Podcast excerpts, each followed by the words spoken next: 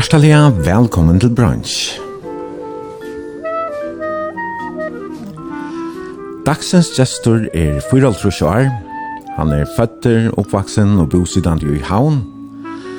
Han er utlærte snikkare, nomsfrøyngur og seksologer, og starvast som nomsfrøyngur av Fjolkalon. Velkommen til brunch, Johanna Plegg. Takk for det, Eivind. Velkommen. Takk for det, Og i morgen så sender vi ur stovene heima til her av Mattala i havn. Ja. Ja, her er du boende i Grara. Jeg halte jeg bor her en tutsi år. Ja. Sånt. Mm -hmm. Tog en gang grad kjøtt. Ja. Og du børst så ensamhandler her for togene, men uh, damen, hon, hon pleier å vidtja bekost. Ja, men det er så moderne bygga kurs her.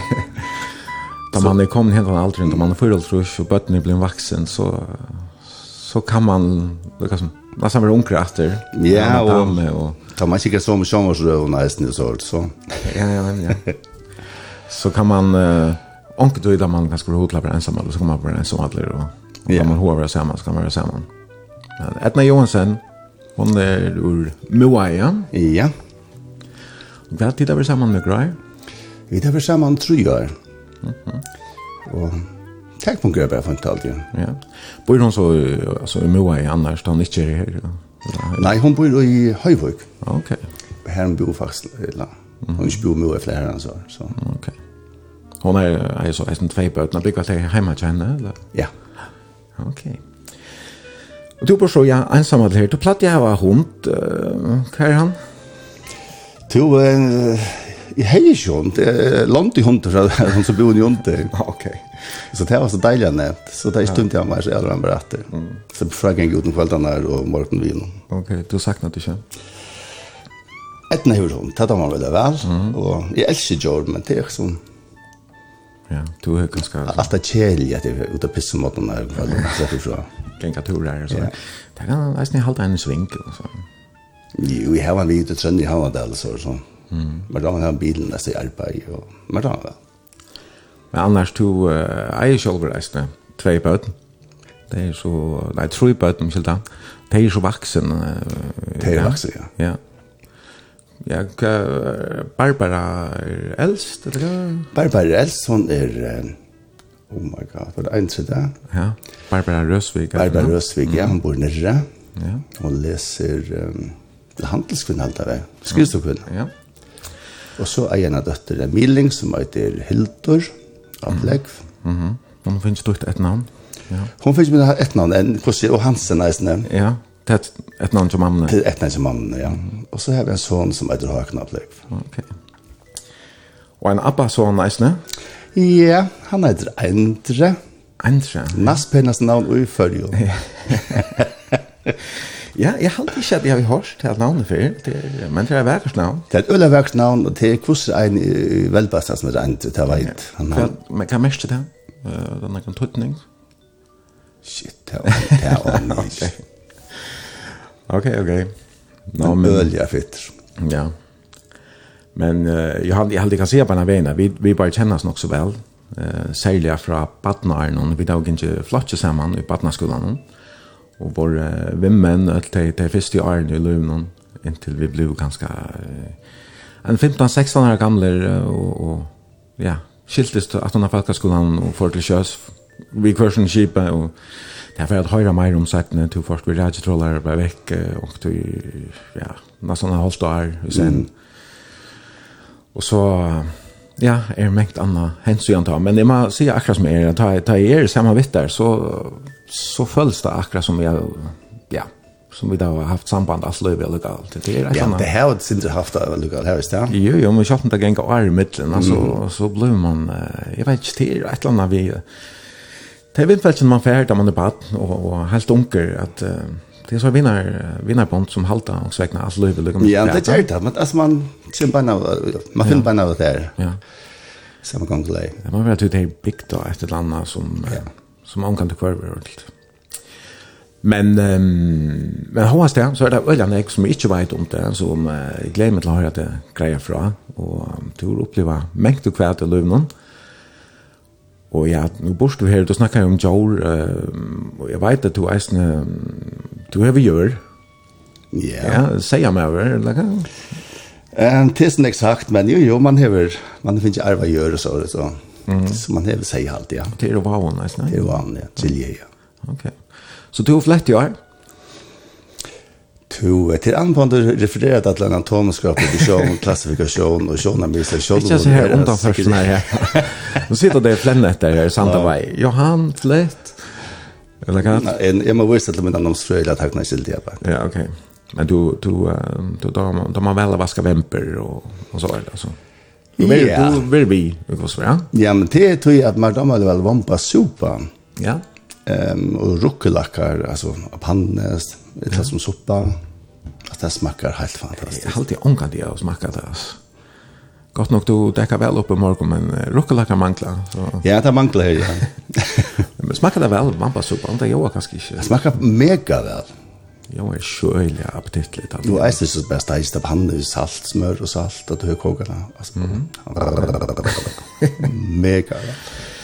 Ja, ja, så um, Kat kat du ei du her, kva snakka seira, ei du av, av pasten och när igen To... Um, ja, anig ikke. Ikke storbønd, eller? Nei, altså, vi, altså, jeg har ofte mellom 4 og 6 alltid. Ja. okay Til min jeg sier nå til han står bare stekker meg på, og så den helst, sen gjør det lukket. Så är du kjørt til alt du har i Kosvei? Det har vi, ja. Och så fortalte du mig resten att du, du finner en trø i Havnadalet. Ja, Jeg var steg i bylista uh, siden den 19. og 19. forskjall, ja. Mm -hmm. Så fikk jeg først en trød i kyrkjæren Og her så fikk jeg vite at, at uh, hun, hun kom og ble brukt til, altså, til grever, altså. Ja, ok, på et annet tidspunkt. Ja, så her gjør det jo ikke vi, men nå, så fikk jeg noe de havna den for Korsdom. Mm -hmm. Og her har jeg så etna og jeg planta en hundtro, hundtro, trø alt her. Ok. Og gjør en sånn træbrygg hvor man etter, og alltså vinna lite för körstal med landa. Mhm. Mm kvad kvad är Atlanten vi tränna. Så du också om körstal där. Ja, Atlanten är sen hemma att till dömes äldre folk kunde ha i fritidsdag. Ja. Okay. Jag kom ut i handeln mot dörrarna och så. Så alla då lärt upp så är så att... uh, ja, alltså så var det själva sin kipa och sånt. Ja. Men jag kunde nöjva och uppleva att tröjn växer så stor. Det här tekniker då. Det här tekniker är. Det här hoppet att jag fick en gång för så att jag lärt. Ja. Och kvart eh ja, du nämnde Joel, allt vi glada för Joel. Är det Joel här ute? To vi jeg byggde hästen då som körde liten. Mm. Eh men så kom det fåglar ut med alla det så at mm. Det er synd så. Så fåglarkrym Uh, det stäcker Atlanten men ja. men men gräset släpper växa ut det som det alltså hon släpper växa som vill så här blir harer och skitfullt av fåglar och krak och ravn och stjärn och allt där ute alltså. Så det var så lånat allt. Så då alla kanske gör som så lite fröj och här här um, det är planer det så äldre folk och barn kanske ens kunna komma och bitcha andra barnagar och så. Ja, det jag tar vet jag. Det skulle bättre skipa så på. Ja, ja.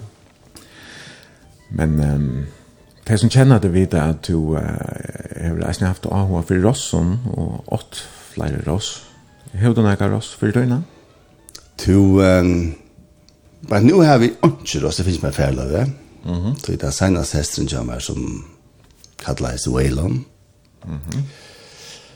Jeg vet, han ble bare svekere, svekere. Det er som alt ble svagt rundt meg som sitter ja. Og det er kanskje indianer nå i meg. Ja. Og til enda han, altså, jeg måtte simpelthen bare valgsikne meg og vi har ikke makt til hva han tanker om Jeg var sikker med vi hjemme etter til at jeg mente vi som sånn tårsut, at du måtte ledge til lin etter for synkene og sånt. Okej. Og så lente han seg, det er tog mye, altså det har vært tvei alt rush, og man er eldre, man leker seg den man dette. Mm. Så selte han til en rossafamilie, noe til utsending. Og han døtteren hever han, han døtteren hever han så i det, Og -hmm. Nu kan jeg rundt vi ljøser det för slöjfon og jeg vet. Okay. Han bara näst. I skiljet. Så han blev en ordentlig ordentlig fitter. Skiljer fitter och och och hampelir. Ja, en annan hest som heter han att Crazy Horse så han det. Ja. Og, og, og første honom det att tjej ju för det. Og det är rädda flås lite en gång ut der som er dette 22 for det. Og så minnes jeg kom han bara till den där inte där hästen vaknade bättre så sälte han. Okej. Til hoene. hoarna så också när jag ringde sig gratt med att sväka oss. Han ringde jag att mm. tacka för det bästa familjer oss i vår höver. Alltså. Och han säger till att Så det är hörskanten av crazy som är en motor kallar Moses. Okej. Det är skilt i slettish. Så här är också galv med. Så han heter Moses? Han heter Moses, ja. Crazy Horse, Little Moses. Ja. Yeah. Och Veilon fick Josar Höslöj för i här. Ja. Faxer, ja. Ja, ja, men um, en uh, Veilon sier du, og, og til hjemme så eisen til uh, tonelagen som du valgte til sendingen i det. det her er um, country tonelager er nok, kan man si, at han reier traveren, og, og Veilon, han konkurrater, mer enn en affær. Ja, så alt sitter i tonelagen. Ja, ja, ja, Veilon Jennings hever uh, et særlig plass i hjertet her. Det hever han, det kan man si, ja. Jeg vet ikke hver det kom fra, men jeg, kan uimynda meg til å vende en bassrytman som kom dum, gum, ja. gum, som, som er faktisk i prinsippet en hjertarytman. Ok, det, så det er ikke røtten akkurat? Jo, jo, absolutt røtten, altså han er så...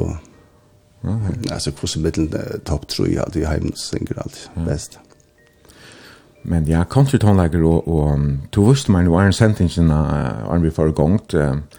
Du har en en ett rum här du har imist som du um, har samla jag kan iron och här Jeg, alltid, jeg vet ikke om det var en nødtje eller tutje uh, silver, gull og platinplater. Ja. Som, uh, som, ja, du er nok høver ångsvekkene finnes ikke fædre til, til nok manageren, så Velan Jennings som høver åtte der. Jeg kjette Desbik for Neil Rishton. Neil Rishton. ja. ja. Og, og til, til manageren til Velan Jennings. Okay, ja. Og her, her og han var eismanager til Ville Nelson. Mhm. Mm. Og her har vi så simpelthen det platen som han fikk, altså god plater, okay. og baden som han fikk også, det er så alle her. Ja, det er en platinplata for, for utgavene vi Highwayman, ja. det er en utgavene her. Ja, hvor hun er her, men det var etisk, det var samme despik, og... Ja. Men her var jo vi her, Waylon Jennings og ja. Bill Nelson. no? Ja. Så at despik i USA, hva kjøper man til han et noen eBay? Like, altså. Det var ikke en eBay. Okay. Ja. Fekst du sånne rikve øren, tenker vi i eisene, altså, omframt disse platene? Um, det var godt efter det. Altså, jeg kjøpt så nekt som tøyen, altså, eBay, altså, jeg- vi ble svæker då. Men jeg er rævda nek eh, om han til dømes, ja. det må plat helst det kanske brötas att där imorgon og så hörde notatorn notatorn och allt det og och där är det så rævlig happy vi Facebook at det kommer å være vinner vi såna jag väl okej fortalte han det han skilte det slett ikke jeg har i førjon av Mattala, altså, yeah. litt som kammer i hebant. At hørte hjemme en ja, museum i Nashville, sier han. Men du fortalte meg nesten at Chris Kristoffersen og, og som var du her. Ja, eh, Thomas Josinsen, så ville gå vinner vi Chris Kristoffersen. Mm -hmm. Og selv om det så ringte jeg til han, sa at jeg kan gjøre meg noe Jan Chattel, om mm. att nu är Kristoffer så är så ofta följer alltså man språk noe annet som til det med så att invoja chattel som var. Okej. Okay. Han flente bare etter oss ned, men men det var god så ringte han att jo hva skal det gjøre, vet. Og det vi glömde att fortälja att det var så vant at det var för ett bitch och då tar för jag med.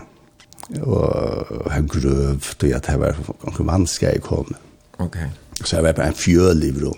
Mhm. Mm så her måtte Cristo så dottern i och har så lagt sån att turnéerna i sån men det är bättre detta Louis. Det är detta Thomas Louis John och perfekt Färdson så. Okej. Så faktiskt kan Thomas se så tacka mer att han redde Louis och Kristoffersen. Men han kom sen i chatten och han signerade i chatten Kristoffersen was here. Okej. Och det är det jävla glad för. Och så han då här är det vill jag på att skriva simmer was here. Okej. Och vad säger han då han sa han säger gull og silver platin platnar. Ja, altså han sier ikke sånn jeg selv, men kona som spør hva jeg har, jeg finner ikke det fra, altså. Ja, du vet, så jeg selger nær til highway, men det, det var sæk fra ikke timen, altså, vi det var her, matta da, jeg stedet. Nei, kan man få ja. Petra eBay? Ja, jeg skjønner. Ja, sikkert, ja. Jeg har jo en drev med å ha et størst rom her, jeg har alle samlingen som kommer oppe, jeg har fullt størst, jeg har mamma, og alla möjliga stans. Thomas, är han limer i sån här countryklubban så det är nice, nej? Eller? Nej. Nej, okej. Men det, det har annars reisning haft en sån countryklubba och när jag var här, det mötas vi kvörst och lukta till countrytonlights. Ja, jag har inte varit här snäckt senast det heter det. Hon kan liv fyrt som är ute senast tror jag. Men, men han stillgångsdrang. Ja, nämligen. Men uh, Johan, Ja. Eh, jag hade jag vi skulle fære i gang vi at spela. Det første sangen du du valgt, valt, sent for nekva sanger til sendingen der, vi får ikke tog til å spela alla og du valgt nägra vi Velan Jennings. Nej, du då. Ja, hva vad det så tja. Hvordan Kusnek vid tåsa, hvordan snackar vi fjasa, og om och de vill för spela tone like men jag lukar mig nu nå, vi sendte altså beinleis en läs och macht alla i morgon Og til som lort der er velkommen å sende en vimersting, en halsan, eller en spurning, av 224000, eller ferdene Facebook-sønne til brunch, det var B-R-O-N-S-J. Johan, den første sangren som uh, ligger klar her, han er vi Waylon Jennings, og han heter You Ask Me Too. Hva er særlig vi akkurat som sangren? Altså, åttan til han er hamrande gåver, så hadde jeg til, særlig vi hun til at jeg alltid tar folk innsynsar løy om Veiland Jennings, så, så er det alltid det som løgner som alltid utvart noen. Så jeg har simpelthen valgt noen andre annerledes som man ikke hører så ofte. Ok, så det er ikke det kjenteste og ikke de største? Jo, altså, det største hits i USA, men kanskje ja, ikke okay. det før jo. Here the storms never last og sånt. Ja. Um, ja, ja. Men det blir... Hva, hva sier han der annars nere i sanken? Er det noen tekst noen som... Uh... Altså, jeg er mer så løs som er det til tonelaget som fenger med. Mm. Og så er det teksten at han da. Ok men, ja, men, men här är tonläxna, ja? säkert. Okej. Okay. Ja, men lät mig kunna höra. Det heter alltså Waylon Jennings, You Ask Me To. Long ago and far away In my old common labor shoes I turned the world all which way Just because you asked me to Like unto no other fear simple love is simple true There's no end to what I do. Just because you ask me to.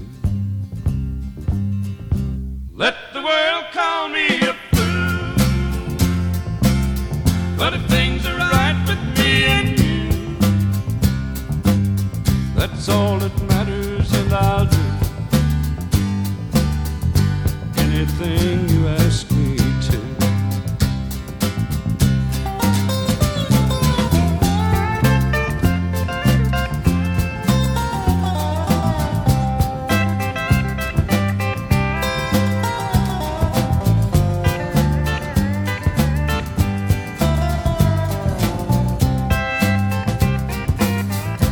Knowing how much I love you after all that I've been through. I turn and walk away from you. Just because you ask me to. Lord, I hope you never do. Let the world call me a fool. But things are right with me and you. That's all that matters and I'll do anything you ask me to.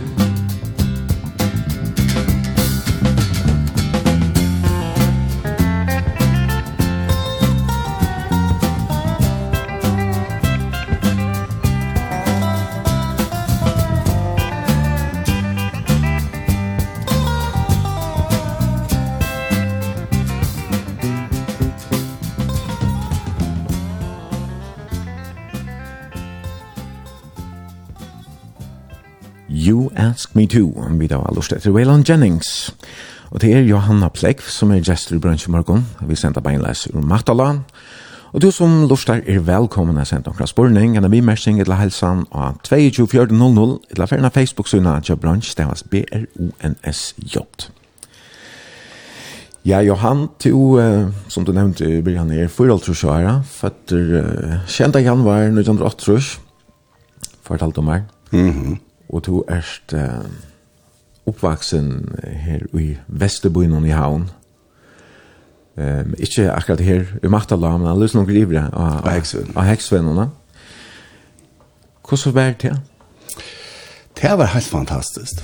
Det må jeg si at det, det er sånn jeg brøtt sånn det er lengst siden. Mm. Det var ikke sånn hus, og det var en, en spore vever, og Ja. Jeg bor av henne Mikland, som er så i Gøtan, så Heksvinnum. Mm -hmm. Og mamma bo på en sunnere av Jokken, så jeg er mer eller mindre oppvaksen med lommer, og bare foreldrene som arbeide. Ja. Jeg og mamma er sånn, det kan være kanskje ikke reelle normalt da. Nei. Ja, det er ganske nok spesielt at... Uh, ja, det var det faktisk, ja. Om man er bare ved sunnere av. Så her i oppvaksen, jeg tror hun var en øyelig spesiell kvinne, det må jeg si. Hvor var hun? Ja. Hon er Sigrid Hansina Jakobsen. Men flere kjenner kanskje bedre om navn hun, eh, Gigga. Mm -hmm. hun ble kattlet Giggoma. Ok. Og SAJ retthandelen er så opprettet rett henne. Så, så SAJ retthandelen ja, ja. Det var så Appetun som stod med henne? Det var Abbedun som stod med henne, ja. Hvordan er han? Han er Thomas. Eller Thomas. Thomas Jakobsen, eller det? Ja. Ok. Øyla viktig å se vi hva. Ja, ja okej, okay. men uh, men nu nu kändes vi som som på att du är minst i kärn. Nej, nej, han döde på var 15 år också hört. Så han kan sig inte minnas. Kvar för för kvar det så förrättningen av Jerry Lantlen. Det var en sån radio girl. Okej. Okay. Det var så budget Thomas eller Thomas. Mhm. Mm och så tar han då igen så tog på Okej. Okay. Och pappen han hade hejen. Han hade hejen Jakobsen ja. Ja. Och mamma då in. Hon er at, eller Marjona Plegg, for hon er at det er Sandavaje. Mm -hmm. Døtter um, Ragnhild og Johanna Plegg. Som du har oppkallet av etter? Som er oppkallet av etter, ja. Mm -hmm. Ja, og du er også en, en eldre badja. Ja, han er så Thomas Jakobsen, et rinnabadjan. Nei, et rinnaban. Ja, ok. Han bor så nyrre. Ja, hva er han? Et, tve år eldre enn du, også? Ja, også, ja. Mm -hmm. Så du vokste opp her, foreldrene arbeidet, og du var, var ganske mest opp til omhendene, til første årene. Ja, det vil, det vil si, altså, jeg er oppvaksen, eller faktisk det første årene, en er sjunk, så jeg har en badna som var sister om meg, som var Ina. Ok. Og hun var sin løgn, jeg minnes den ikke ordentlig, men som skilte alene var en øyelig spesiell, tro på baner og støttner og Hvor ikke gjorde sånt til nækka som helst. Hvordan skal man, altså hun var spirituell? Ja, det er hun jeg vet litt det hun tykker vi er. Hvordan skal man ansa etter bøttene hvis man ikke får gjort sånn? Ja, jeg vet, man var være masse vittig, at ta du ikke genka. Nei, ok. Men om man var eisne hjemme genka, sånn er det videre. Hun bor jo om. Ja. Ja, men som jeg minns da, så var det alltid nekk lov i her, Badgetun, Thomas, han er nekva vinner eisne. Ja, ja, det var alt, ja. Og du har eisne flere vinner. Og, ja, men det var faktisk en ordentlig stort til tog. Ja. Det var det faktisk. Mm -hmm. Og eisne grannan kommer Marsten og, og Hakon, han jeg minns det var så rævlig av sykene Hakon, han fyllte i 8. januar, samme dag som Elvis Presley. Og jeg helt det var så forbanket over at, du vet. Men så en dag så fann jeg det av det, jeg fyllte faktisk en dag åren Elvis Presley. Så nå er jeg er fire måneder, okay, okay. ja. så hver gang jeg spyr meg når jeg fyllte, så er det en dag åren Elvis. Mm. Ja, Marsten, uh, han var en god vimmer som var. Han var en god vimmer som var, og han var faktisk et geni innenfor Lego. Mm -hmm. Altså, det som han ikke kunne få på sin lekeklossen, jeg minns, altså, han er är maskingevär alt allt og er en lekofan på maskingevär. Altså, han är lek och revolver, altså, fantastisk alltså. Han borde være menningarleier, så lätt. Ja, det borde han faktiskt vara. Jeg, hade en bok kallad där också. Alltså i Chile det slett ikke. Nei, men um, men tid titta som du sier, pap du var stor i rätt i handen. Ja. Och i minns titta hade um, sjånvarsp og video lengt og är inte flest i omner. Alltså det att några så utger som som var ofta det första till det. Vi hade en sån video alltså jag minns ju sån att man var stor som en ett en fyra ölkassar allt ja. Och så fick vi så boes tvåsistern till inga Inka nere. Mm. Och så fick vi bond sent han upp och att det var stor som en stor bok alltså. Mm. Men här var så eh en en bandit som heter Fantomas. Han blott anledd minst som jag vet hukt. Ja, jo jo. Och så var det så han det Vinito och Old Shatterhand. Och Vinito indianer. Indianer men då Apache indianer. Ja. Och Old Shatterhand var så kvitt päls pälsvaj med över men det är som det är överskar med ja. till indianer. Så det här tog fick uh, ahuan för indianaren som, som, som du har haft allt livet? Ja, som jag har haft allt livet, ja. Och jag vill nästan mäta det största bokarsand i Norrland enn de andra. Ja.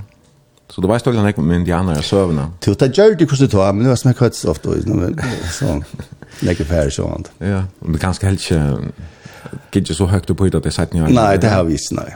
Mm. Men du väljer så sagt ni lövnon i USA när graferer. Ja var det fyrir at, att uppsöka alltså in de andra nu så tog det livet. Det var det ena för kurser och ta døttene akkurat født, men Uh, men jeg planla den turen her på at jeg skulle færa. Mm -hmm. Og for jeg kan komme inn i alt det her, så har jeg valgt en ferabølgfest som ferer sin rundt i um, Southwest i USA. Og det var en minnesrik tur, det må jeg si. Mm. Det kommer kanskje ta så mer om det her sættene. Men hva er det um, annars som, som uh, baden, hva minnes du uh, særlig vel annars? Ja, jeg minns han da banditten som bor i Hekskråd, ja. Jo, jo. Ja, til, um, jeg minns bare at det var en sorgles tog, og, og jeg synes det at um, det man kunne lova seg ta, det er faktisk mer enn det som man kan lova seg nå.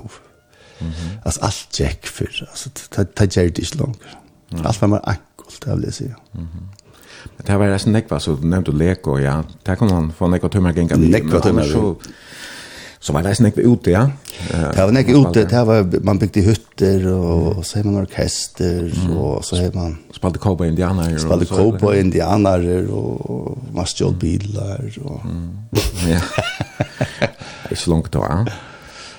Nei, ikke av foreldrene. Å, ja. Ja, det var ganske nok så frukt, da. Det var øyelig frutt da, og, og, og, og Kan du fortelle meg en bil til Joko? Eh, jo, det kan du godt, men, men, men jeg vil ikke understreke at ja. du platt ikke å stjele biler, men du platt å slippe låne bilen også, tror jeg. Mm. Ja, det er om man må bo på en synere, og jeg må en oppgave er å vaske bil, og det er tunt ikke, så sier jeg til jeg vaske, at jeg skal vaske den bilen her på en, så slipper jeg køyre det utlom. Mm. Og hva skal han være da? Tølv alltid. Ja. Mm -hmm. Og det er slappet så, så vasker den bilen her på en, så ångt og jeg tar i, så får man sin det långre. så en av enda det väl bäst att har två vi to vil jeg slippe kör så kör det to. Og det var en en spår av vera väl bäst och så møtte vi den bil Og to i panikk så han det To, to er flere puter rundt der. Og, kom opp og, och och två för lite handskar runt var akkurat som är då tjabacka precis det Ja, du ikke bakka. Nei, ja. jag kan prøve å bakka ved en bil jag behöver prova kvar fem meter Och vi kom onka vi hem bilen står på boi eller så jag så du kan råda så han ska lite du vill att vi släpper han över. Och så får är ur bilen och då får det ett sättre. Jag husar mig själv och kan det hin med över en hux alltså till bilen en 12 år gammal drog ur bilen och sätts i bil. Abba. Och han kör på vi är vi kör vi tack så mycket så hämtas. Så också sånt. Att det är aldrig inte det. Nej, nej. Det är ända en stående omställning och partnervärden kommer på. Ja. Jo, jo. Men vi rende i omkant, ja. nei, nei, nei. Men det spalte du bättre väl, ja. Ja. Og, og, og du vasker alltid bilen da du så enda för när jag kom hjem etter. Så, ja. så mamma din, hun ganske upp det i omkant näka. Nej, jag hade inte om det näka. Nei. Og hun sa bare, nå, bilen regner, ja. så Ja. Men um, annars, uh, Tjekst du i Batnagar i Esni her, tja noen noen? Nei, nei, det gjør jeg ikke. Du blir ganske forskole, eller hva? Jeg blir forskole, ja. ja. Sankta Frans skole.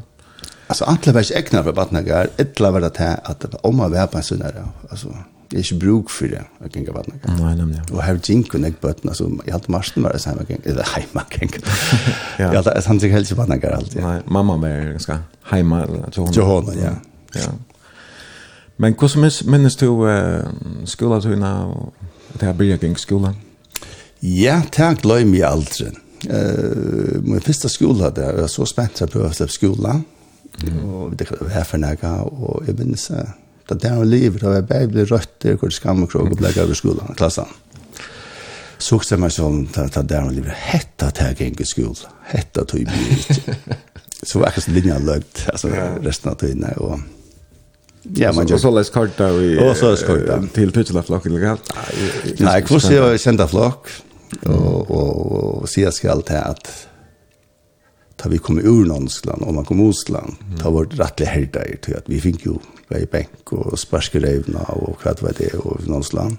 Mm. Så kom man kom Osland, og her var det nærkelig på samme måte, men så var jeg sånn ordentlig fitte, sånn til dem Petter Sigurd Rasmussen, som var dere klasselærere. Mm -hmm. Og jeg må si at han dodde rettelig vel vi også, det må jeg si. Ja, ja. Um, Hvordan var det også, han løste seg omkant i opp og dodde det vel. Men... Uh men det kanske helst vara så lätt så så läraren någon. Nej, det är det nej det är det svårt nej. Men det är men det är inte ens så sparska och slå. Nej, jag har det inte. Så var det inte. Men men det det var det att då och och så i det så så fänger man också kött här bötten som ja. är för oroliga och man finner det av om det till dömes här var ADHD. Ja. Det gör man ju inte då. Nej, det gör man inte då. Men jeg minns at sonen som jeg skulle, han var estrad av Vittler. Mm. Her er simpelthen lærer med til kvant og med renta gjort, er redna tver rundt om skolan til lønns. Ja, nemlig, ja. Så var det han krote vekk. Mm. Helt er ordentlig godt oskott. Du erst sjolver blei en kannaver her, for ja. ikke så lenger du sier han. Ja. Det er utgreina over, eller hva det er det? Ja. Mhm. Mm um, jeg vet ikke hvor... Uh, Det tar sig kommunläkna när för en fitta när så jag alltid jag så så länge sen glömt alltså så fick nu en orange igen också. ord. Så jag bodde här i fjärsan år. Mm. Och så blev det där så fick jag det stäffest ja. Så du fick uh, stäffest att jag det här för korsen alltså ja. eller kan? Ja. Och och kvart uh, Är det hjälpt där? Ja, det är ordentligt. Hur länge sedan är det? Att du fick det stäffest alltså? Ja, kanskje alt annet så igjen, lagt hørt. Men så ikke finner ikke Heilevann? Jo, jeg får Heilevann nå, og, og jeg prøver akkurat noen nødvendig nå, så jeg dår skulle si det der. Altså, jeg mest ikke at du brøtte noe selv. Nei, det er akkurat det. Man er jo en venner, altså man er jo en venner menneske, at du skaper der venner ikke helt lov. Det er reale rent å brøte der venner. Mm. Men jeg vil si at, at, at beiner er ikke lykke lengt som det gjør jo her. Nei, ikke lykke rastleiser. Nei, ikke lykke rastleiser. Nei. Nei. Sint lättar vi vi uh, ganska ja att inte missa koncentrationen nej Ja, det är ju lugnt. Men alltså det är det vi Alltså jag vet inte, jag fick corona alltså för det år. Mm. Och tappade jävla alltså det tog mig hörst alltså eller alltså la för dig igen alltså. Jag lust simpelthen anlaten till vad du gör. Och och det är som att att jag har en orsk, jag bär för brusen så var det i den länkan alltså. Alltså i Årskarens. Og til reisen, ah, jeg blir spekla kommet for meg etter at Men. Så jeg du ikke svære der om, eller sier om, til heilvavren, et eller annet stat av korona som vi ser mm. på til så. Ja. Men, um, jeg vet ikke, du valgte en, en uh, sang, at vi uh, Waylon Jennings, som either I've always been crazy. Mm Ja, til, han sier meg faktisk rett og slett. Han sier, mm. han, han sier, you always been crazy, but it kept me going from insane. Altså, det er, ja, han sier meg nek faktisk. Ja. Tog at man er sin vittler, og man hever øyla for mørk. Altså, kvart og mars i året nå kommer jeg, men, mm -hmm. men det mener jo ikke ringt, vet du, yes. Nej. Men jag har en fel det är vart han var arbeta på folk. Mm. Och likva sin så och skilja lite med glöm allt det ser att fatta att han. som till dömelse sonen som var förallt om det det var adoptera indianer. En äktar och glada tetan Lakota från South Dakota att var Jeg glemte å fortelle om det tvattlet, så han kom heim ved skolen, sånn som det jeg fortalte søv, men jeg skalpere, jeg kvita menn, og skjøyter og alt, og der hukte alle opp på ham, vet du Ja, da Ratta pape tøyen, da kom opp til en Stån, hukte etter meg, så får der ut etter, så jeg glemte jeg at fatt. Jeg halte i haken var nesten fermter til han fant det ut, og jeg tenkte at det kunne ikke passe igjen, ja, nei. Ja, det er mer sånn at de tar det. Det er bare øvått at du tar på for å vite at jeg adopterer deg, men altså. Ja, men Johan, så halte jeg at vi passende kunne høre han. Ja. Altså, Waylon Jennings, I've always been crazy.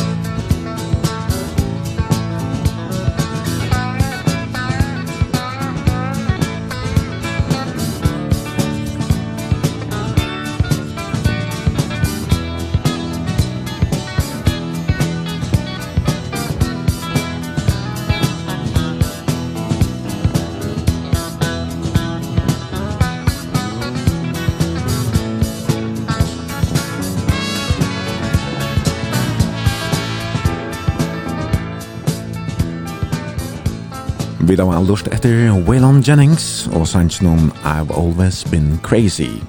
Og det er Johanna Plekt som er gestur i brunch i morgen og Belle Tone Legend. Og vi sender beinleis av Matta Loa i Havn. Og du som lort er velkomna sender en halsan, en er vi mersting et langt spurning av 2400 eller Facebook-synet til brunch, det var B-R-O-N-S-J. Ja, og hun for toneleidje, Johan, han han uh, kanskje eisen kom her ur radiohandelen her du platt jeg være øyne nekveisene som, som baden og unger. Ja, yeah, absolutt. Eh, Papa spalte nekkan tonlag eisene, mest Elvis. Mm. og um, ja, Beatles og så videre. Den sjåvann man får man her for Lorseplaten ja, ja. singleplater mm -hmm Så det fyllt fyllde rätt läge vi. Inte mycket det du var det Spotify och så är det väldigt nära alltså ta förstå om man går stand till timmar och då timmar ja och lite att vara så. Det du helt annan känsla. Mhm det har vi Spotify, eller allt det där det har vi slett.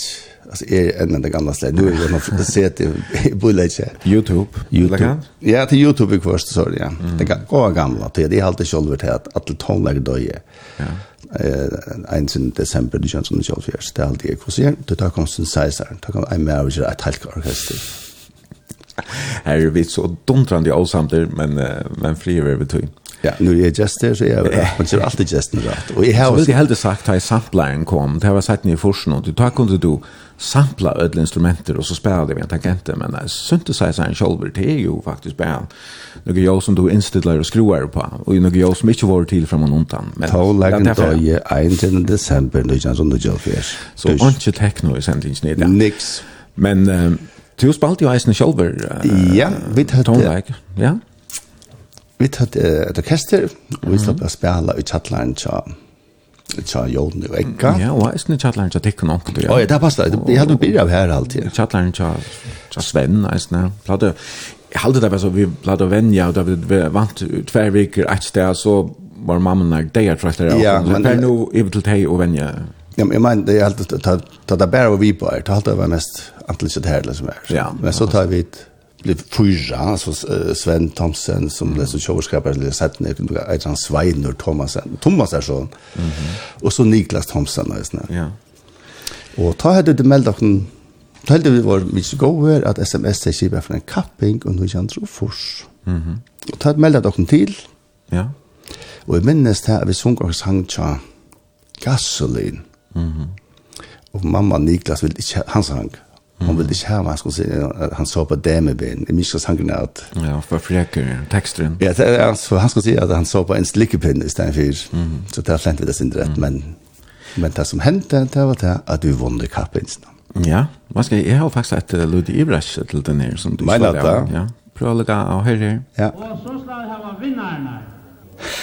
Och här vinnande orkestret här var Holy Stones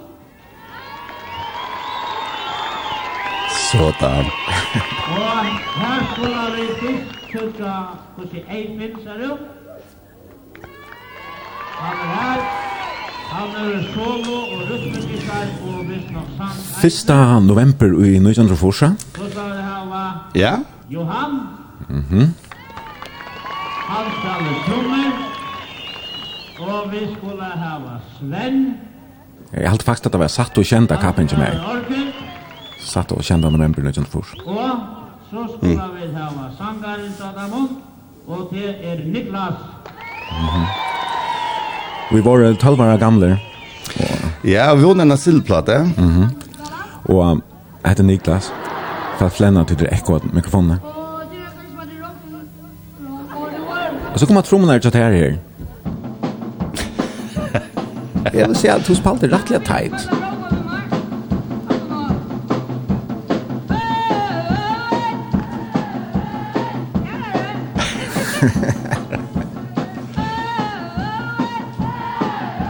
du held vel rytmen, du er bare tusen spiller her. Ja, for faen. Ja, ja. Du, du bryr i alle konsertene. Tell være gammel.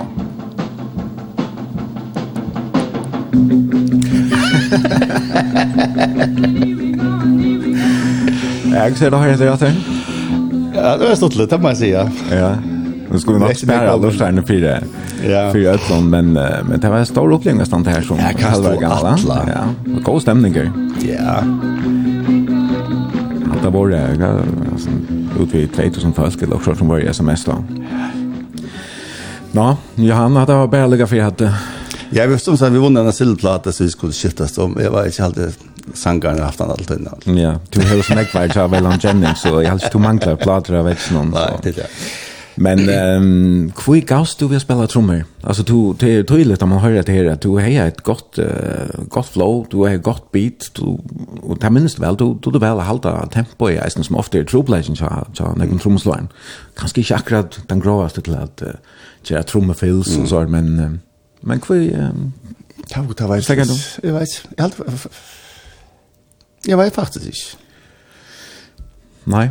Alltså inte spalta i herrans år. Jag var kanske man började börja trötta att för. Kan, ja. Eller bare kanskje du var ju till chips. Jag får chips där. Ja. Kanskje det var til tärsen som gjorde det. Ja. Men um, ja, ungdomstøyen.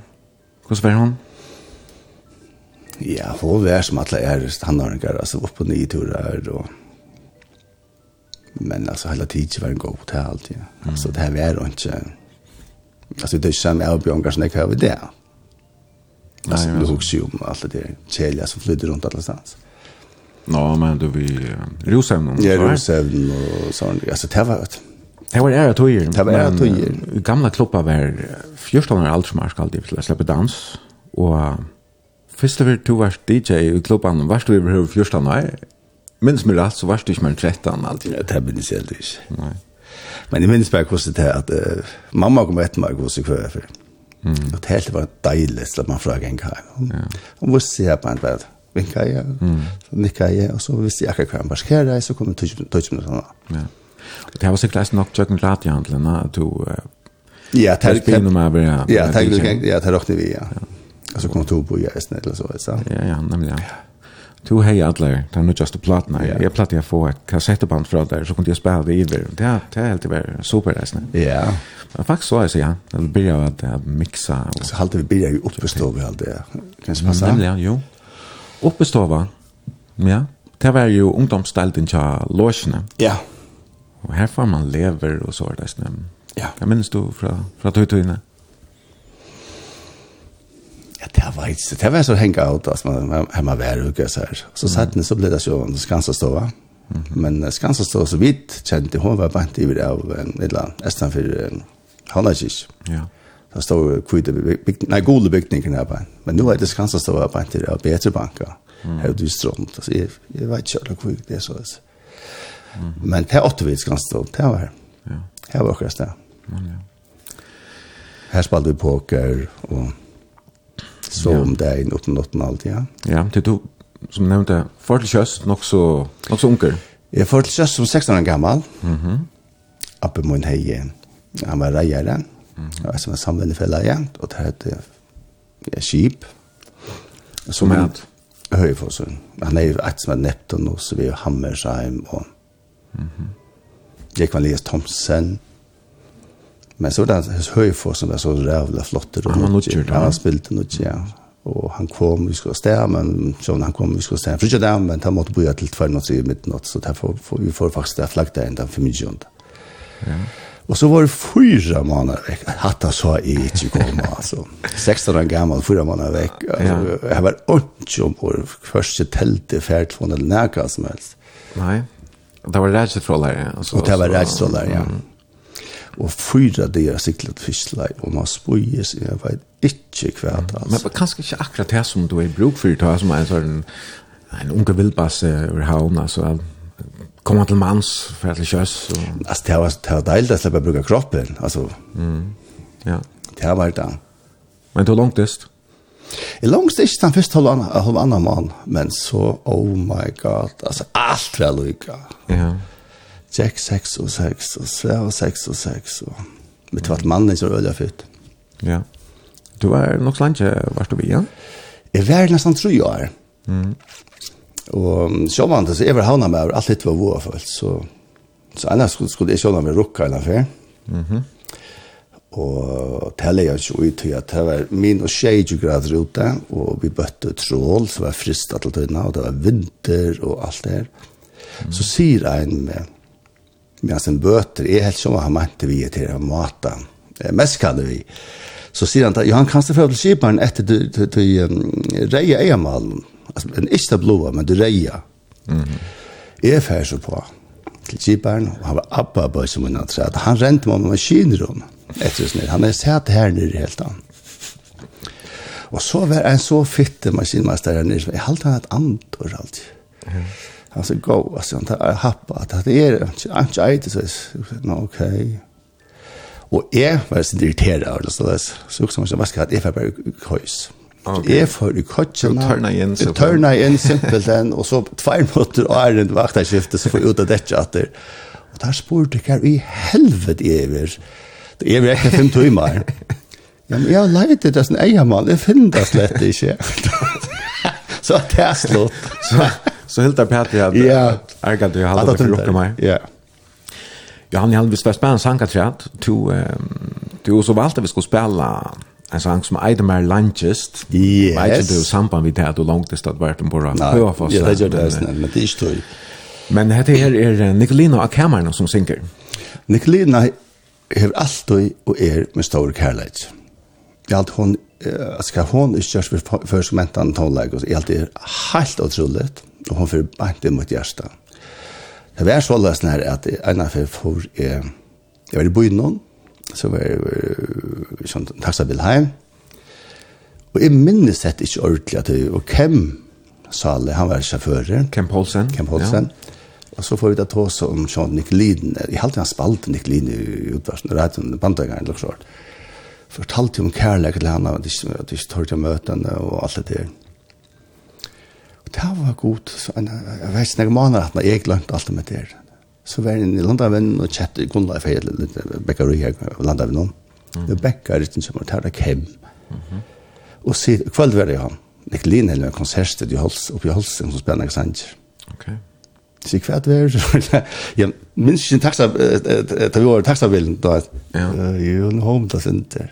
Jeg skal sitte for at du møter henne, vær du bare her, her, her, ta klokkan ta, ta, ta og fanen. Jeg ringte bare en adlion, det er torsken her som aldri, jeg tror det er Vi får det, ja, hun har... Og jeg håndterer en bimmer, så det. Ja, det er nummer som er. Så får den igjen her, og nå standa det her, jeg sitter her, nå kommer jeg hjem. Jeg vet ikke, jeg mener, jeg er så løy gong til jeg bare i til det, altså.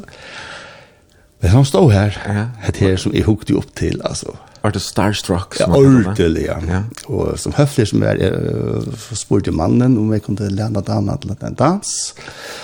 Og så dansa vi, og jeg kunne glemme alt om å svingene rundt i over, jeg sitter stort da. Og, og, men lukket meg ikke, vi dansa, og, og, og jeg, var, jeg hadde ikke sett et år alt. Altså, jeg var så og faen, jeg var bare ikke nervøs og alt det. Jag hade dracka flera för att ta den här alt. Men lukket Luca Mage lette han sitte på, jeg hadde takket for dansen. Mm. Og så klemmer jeg hjem og sier takk for. Ja. Og så var det her redda, altså. Mm -hmm. Hon är tyvärr inte mitt någon längre. Hon är tyvärr ikke middel någon längre, nei. Men hon er fantastisk. Sanchner, tack för alla. Tack för livet. Lunch. Lunch. Så jag alla det här. Ja. Og det er det som bara en fantastisk god sanker. Helt otroligt god. Vi tar det her Nicolini Akhammernon och Sanchen med lunchest.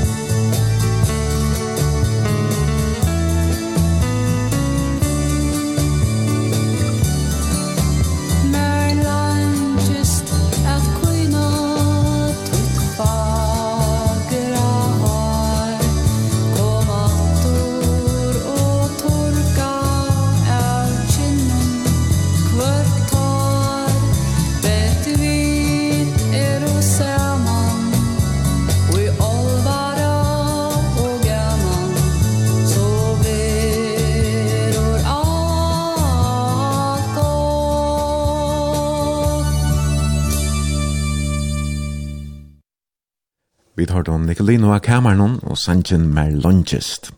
Og det er Johanna Plekv som er gestor i Brunch Morgon og vel tonelegen. Og vi sender beinleis av Martala i havn, vi sitter her i stovene, Jajan. Og jeg har faktisk ikke hørt nevnt hvordan stovene ser ut, men det er en utrolig honalig stova. Du har sett et flott uh, jolatre oppeisen her, mm -hmm. der vi Kullørsten peron. Kullørsten peron, ja. Lidrykon peron og, og perer i vinteren og neisene. Og her er faktisk alle lekster inne. Fjolt. Uh, Rungla nødger store køker, og så har du en rikve av flott og målning av, av, av vetsen. Vi får stå til å snakke om at det er målningene, men, uh, men med landet henger en, en store vi uh, William Heinesen av vetsen der. Og uh, en, en lydel vi Mykines, reisende, og Ja, nu ska jag svära att jag var improvisation gå, gå huskot men här är faktiskt otroligt några flotta målningar inne. Är du så en lista samlare eller kan? Alltså näkra av hesa målningar här finns ju ett ärva från Gigoma. Mhm. Ett la från pappa och mamma så där. Ja. Og omkring har vi finnet fra Inge, tog sin pappa, nei, tog boren til pappa, tog jeg hadde hjulpet med flita. Mm -hmm. Og så omkring har vi kjøpt, mm -hmm. Og jeg vet ikke, man blir veldig god ut der. Ja, det er skilje vel. Det er sånn flott om. Og han heter William Heinesen, han visste jo nemlig til Zacharias sonen. Og han sier nemlig at, at han omgang ser så store målene til William Heinesen. Okay. Og så får han hitja om han er malet han først. Han kjente målen, men han malet ordentlig omkring målninger, så, så domte William der ikke malet en diver. Okay. Og han sier, dette er ikke en av dem som William malet diver, sier han. Nei, ok. När han när han målar det snä. 73 alltid. Okay. Motivet till risen och ja. chattlingen. Ja. Mhm. Mm Nej, men då där över, men då över var Monica. Tack som Ja, det skiljer väl. Jag ser att att man alltid sent där så så. Mhm. Du har alltså en rättliga speciell han och det ganska som är uh, är det sånt överse. Det är ganska känner ordentligt eller en vanlig traditionell målningar men en en skapsol. Ja, det är malarskap. Mm Mm. Eh, det var så ljøst og kjelet, så det fikk Sveriges Heinsen å male. Ja. Så det var en, en liten gava fra honom. Ja. ja. Skek. Jeg er øyelig glad for det. Ja. Og Johan, vi pratar om Arren, Arjen, vi spalte den her sannsyn om, om tøyene. Da du først til uh, Chips, første fer. Ja. Ja Så 16 år gammal var borster i mer än fyra månader. Ja, oh my god, det minns en när vi kom hem. Alltså så får vi ut bojen och här dansade ötlnäka så gräsliga löj. Ta det som en breakdans. Mm. Alltså jag visste inte vad breakdans var. Jag var väcka till dina. och, och, och alltså, att, att dansa så löj. Jag hade väldigt avskrivet på en liten lökna maten, men det var sin inta. Det var så löjt var landet väck kom hem att det. Så en av det modern talking och så. Ja, ja. Og nek brøyt som lägg bröt. Ja, men ikke visst jeg synes ikke menn som snett som forsøk kläder og kvinner var så här breier som att det gick kvärt vi är snäll puten og alt det. der. Og har oh my god alltså. Men kvart du har jo bedre den egna stil så du du ikke avvarska. avskärka. Jo, ena för så jag att du lockar mig för kjøpe kläder eller för så forsøk kläder. jeg var kvita, soja bukser, kvita, yta jeg Jag var så kviksa, jeg Jag allt med lön fallt sitt land. Mm. Men oppar det smart, men jeg er helt ikke det var så smart. Nei, jeg tykker de som kjenner det, de sier at det er ungen som er lykke som Johan, han, han har jo sin egna støyl, det har han nok haft alt, alt løyve. Ja, jeg har alltid sier av den egna det er alltid is. Jeg har det som er som, følger meg best. Men hva er det, altså, du, du treffes ikke hvis nere vi er vært borsker så langt, ja? Nei, det gjør det ikke. En av vår nesten vekk er nødje måneder, altså, mm. det sier seg ikke at man blir sin klikket av det, så Ja. Men, um, i først landet til. 18-2,5 år? Ja, cirka så hørt. Mm. Og... Og så var det den her tøyen du snakket om, nevnte Jan, jeg snakket om Jack for Ønske, Jack Nes Gansa stod og spalte Ja, ja, jeg var ikke så også jeg var sånn, for nærmere en ubygvenk, og jeg får nesten til Danmark her, jeg får tøysen en klasse, men jeg var i førgen, jeg har noen penger, så jeg var i førgen for en av seg vikskift, mamma var ikke gaver for jo, i førgen, så flåpillet ned, et flåpillet opp, og taxabil, en fra Kastrup, helt ned til Tuberøden, annars fra Billund til Tuberøden, altså, jeg, Mm. heimfødt føringer, altså, hallo. hallå.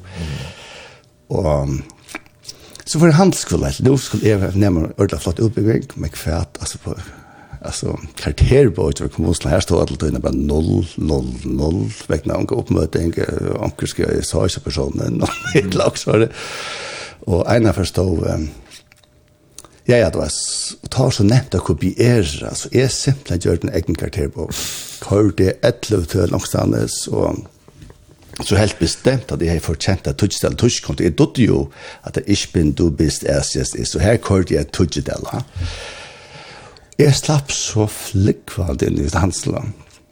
Og, og det gløkker meg helt med været som er tvatt. Jeg var her tvær måneder, så fant jeg at det var skatt. Det er grunn til at jeg som nulla kvarter på husen. Altså, jeg var ikke gjer her oppe. Mm.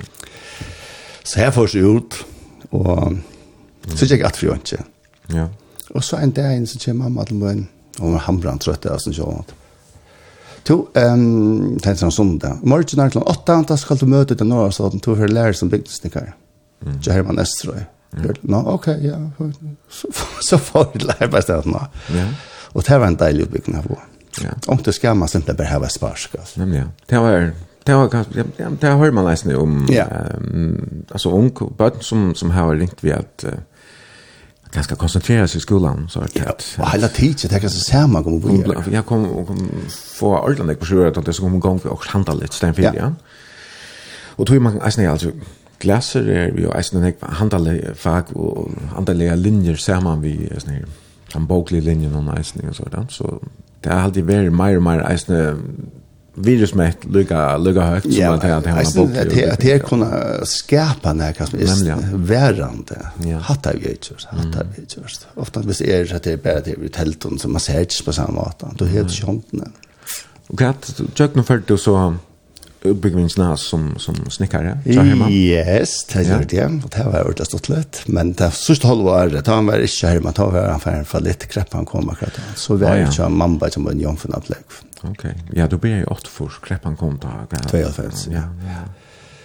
Ja. Och jag var hållt rätt så tamma i måste få det på på det. Ja. Och kvar nytta då när så så stannade här vi på på i 2.5 så tar vi ju allt vad stäcka upp. Det var en skärpa, ja. Nei, så enda som stod vel, så en drøntje i Sandavaja. Jeg var vært holdt der. Ok. Og så at man tar jeg møtte en dame, og hun får snirre lese. Mm 4,5 år. Ja, så det, alltså, nu kommer jag också med att du är ju utbytt med nomsfröingar. Alltså, ja. Det var ganska långt här att du fick det första runt när som, som stod. Ja, faktiskt, ja. Mm -hmm. Och i Santavaje, men du bor i Havn? Jag bor i Havn för det ja. Silte så? Like, I Sam och byggda läger. Ja. Det var läget där. Men så läste man de andra böcker av er. Mm. Väster och heimatreisen. Ja. Och så mötte du så Gunrid som som uh, sen blev kona då. Ja. Så du de blev gift uh, i när var det? Ja. Fan. Ja, han var där. Det är ju allt, ja. Ja. Det kan mycket ja, men det det mötte så här ta i ja. Det är 15 Ja, vi møttes i Drossen her ute i Hanadal, ja. Ja, okej. Men eh Arnt här så Så mötte du en äldre dam det det helt ganska slantje men du blev på på ta första för bara bara för att jag någon så det det kan rockna ut så att det var något arm det var det var sånn, ja. Så mötte du kunde stort att han eller ja. Och och Hildur hon är född i 92 va så det här så det här är tatt middel där. så tatt og middel der, ja. Mhm Men kvar um, kvar möttes du hon ut. Um, det var jag inte. Mhm. Mm rossen sort här. Ja. Det var ta ta var hade finns ju av för rossen. Ja, jag fick av rossen Jack Knut och Lutsen och Jan Johansen. Mhm. Och vem men chatta. Ja, vem men chatta. Ja. Som hade haft ross ganska uppvuxen med rossen. Ja, uppvuxen rossen. Ja, så. Och du fick så av en kväll väl ta han ju att han har lagt så. Ja, det ville mäta, ja. Okej. Så här Jack Gunnar i Dyson, hon hon hej passar jag Dyson ross. Ja. Och Hva sier du, og, og hun skulle til Danmark her? Ja, hun får ned til Danmark ned seg oppbygging, så får jeg bare vi. Og til bet enda vi den som kollega nere som er et... um, på grunn av det har jeg glemt av henne nå. Lugga bit her. Det var i Aalborg. Aalborg, så ja. ser vi åpne kollega dette. Ja. Og her var nekk som vi kjente, altså, Ono Vardom, Boidam, og Niklas Johannesen, den sånne her tonleggeren, mm -hmm. og Runa, vekkene, tjokken, de kom sammen da. Mm Mm. Men runda for til førre bare det for da vi kom ned. Mm og jeg vet, jeg måtte ikke også ned, så jeg får simpelthen HF. Ja. Men altså, jeg tog ikke skole, altså, det var tve fag i Jekko, det tog ikke meg. Og så at det ikke lekser, så jeg fant bare rart, Niklas, han utbundet her, bare spalte gitar, og at Mars og Dracola. Ja, men hun måtte ikke utleve. Nei, det var alt og han spelade nek tone like men han var glöck altså glöck med att skriva og så det. Ja. Så jeg är en han til at jeg gjør det han døvra, og hvis han sen skulle stå för. Mm. Okej. Okay. gjør det han så. Det var ett vet vi han skulle stå i det. Han arbetade som tog med väl då med landa vi satt när det mal att inte så jag hade varit mal. Ja, det där. Då då bara skriva. Ja, Ja, helt. Det var ett vet vi så. Och så minns jag när jag skrev en så flott han stod eller en så flott han stod om EU at læreren som var nere i skolan tok meg fram og greia fra med det tøylen om EU. Jeg vet ikke hva EU er. Og jeg greia, jeg sitter, jeg, jeg skal si, Mm. Jeg stod bare her på henne, og hun spurte vel en spørsmål, jeg sa, hm, ja, ja, selvfølgelig, og, og jeg ikke skal si, ja. Ja. Og faen, det er ikke slutt med livet. Hvordan ble du så livet, Lagan? Fikk du her? Jeg halte det da. Jack, Jack, klarer du Jack på henne maten? Ja, det er Jack Funt. Jag ska jag tar ikke gode, men så fann det at i pjøt, det er är läs läs att långsvep att jag med nye nya alltid, at jeg ser men en kollekten till låsa är till långsvep. Ja. Men så fann det at jeg kom til Benjamin hit at jeg kvota B eller kvota 2 ja. Kvota 2. Så jeg har jeg for å nøye ut. Så du får läsa långsvep. Så jeg får lese läsa långsvep. Och kommer ut hon var i västna. Ja. Långsvep. Okej. Så da hun ble utlært, så flott det här för. Okej. Så läste du vidare för honom. Ja. Okej.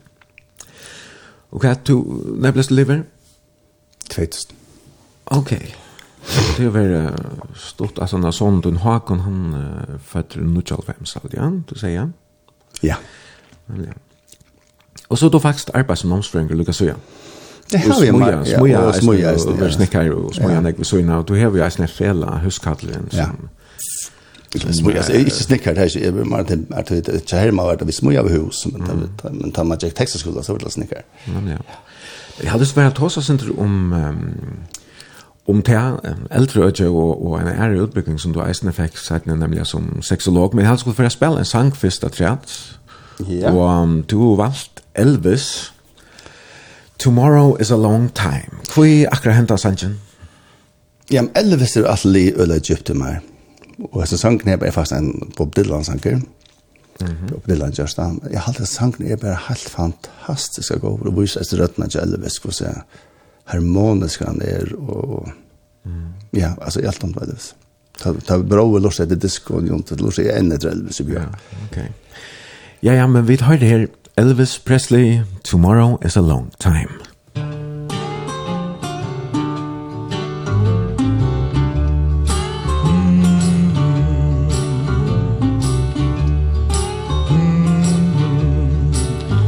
If today was not endless highway If tonight was not endless trail If tomorrow wasn't such a long time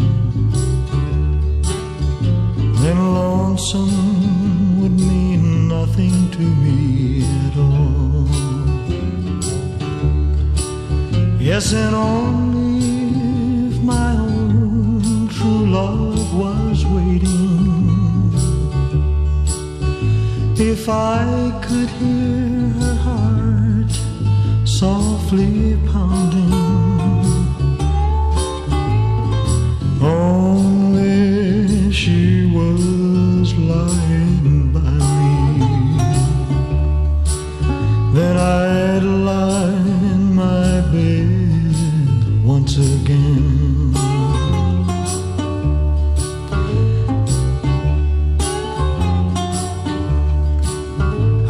see my reflection in the water. I can't speak the sound that show no pain. I can't hear the echo of my footsteps. I can't remember the sound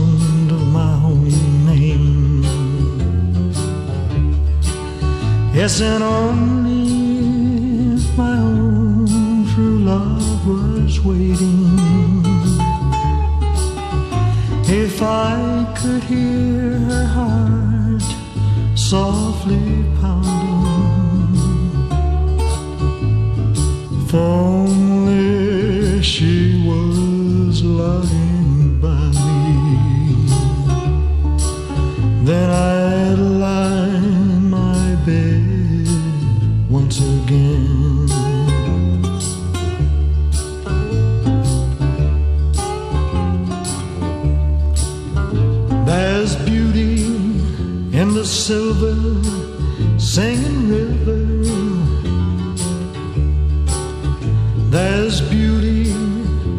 a sunrise in the sky.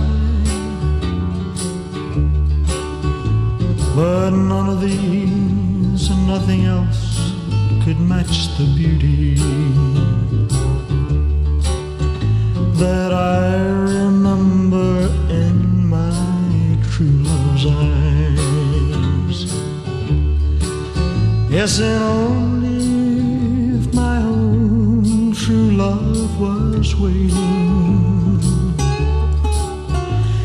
I could hear her heart softly pounding If only she was lying by me Then I'd lie in my bed once again. If today was not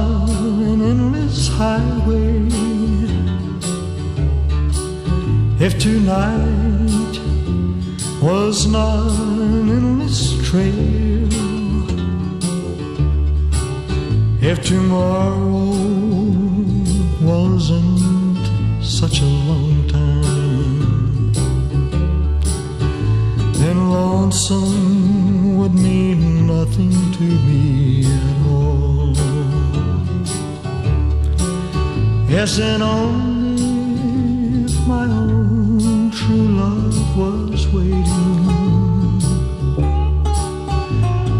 If I could hear her heart softly pounding For me she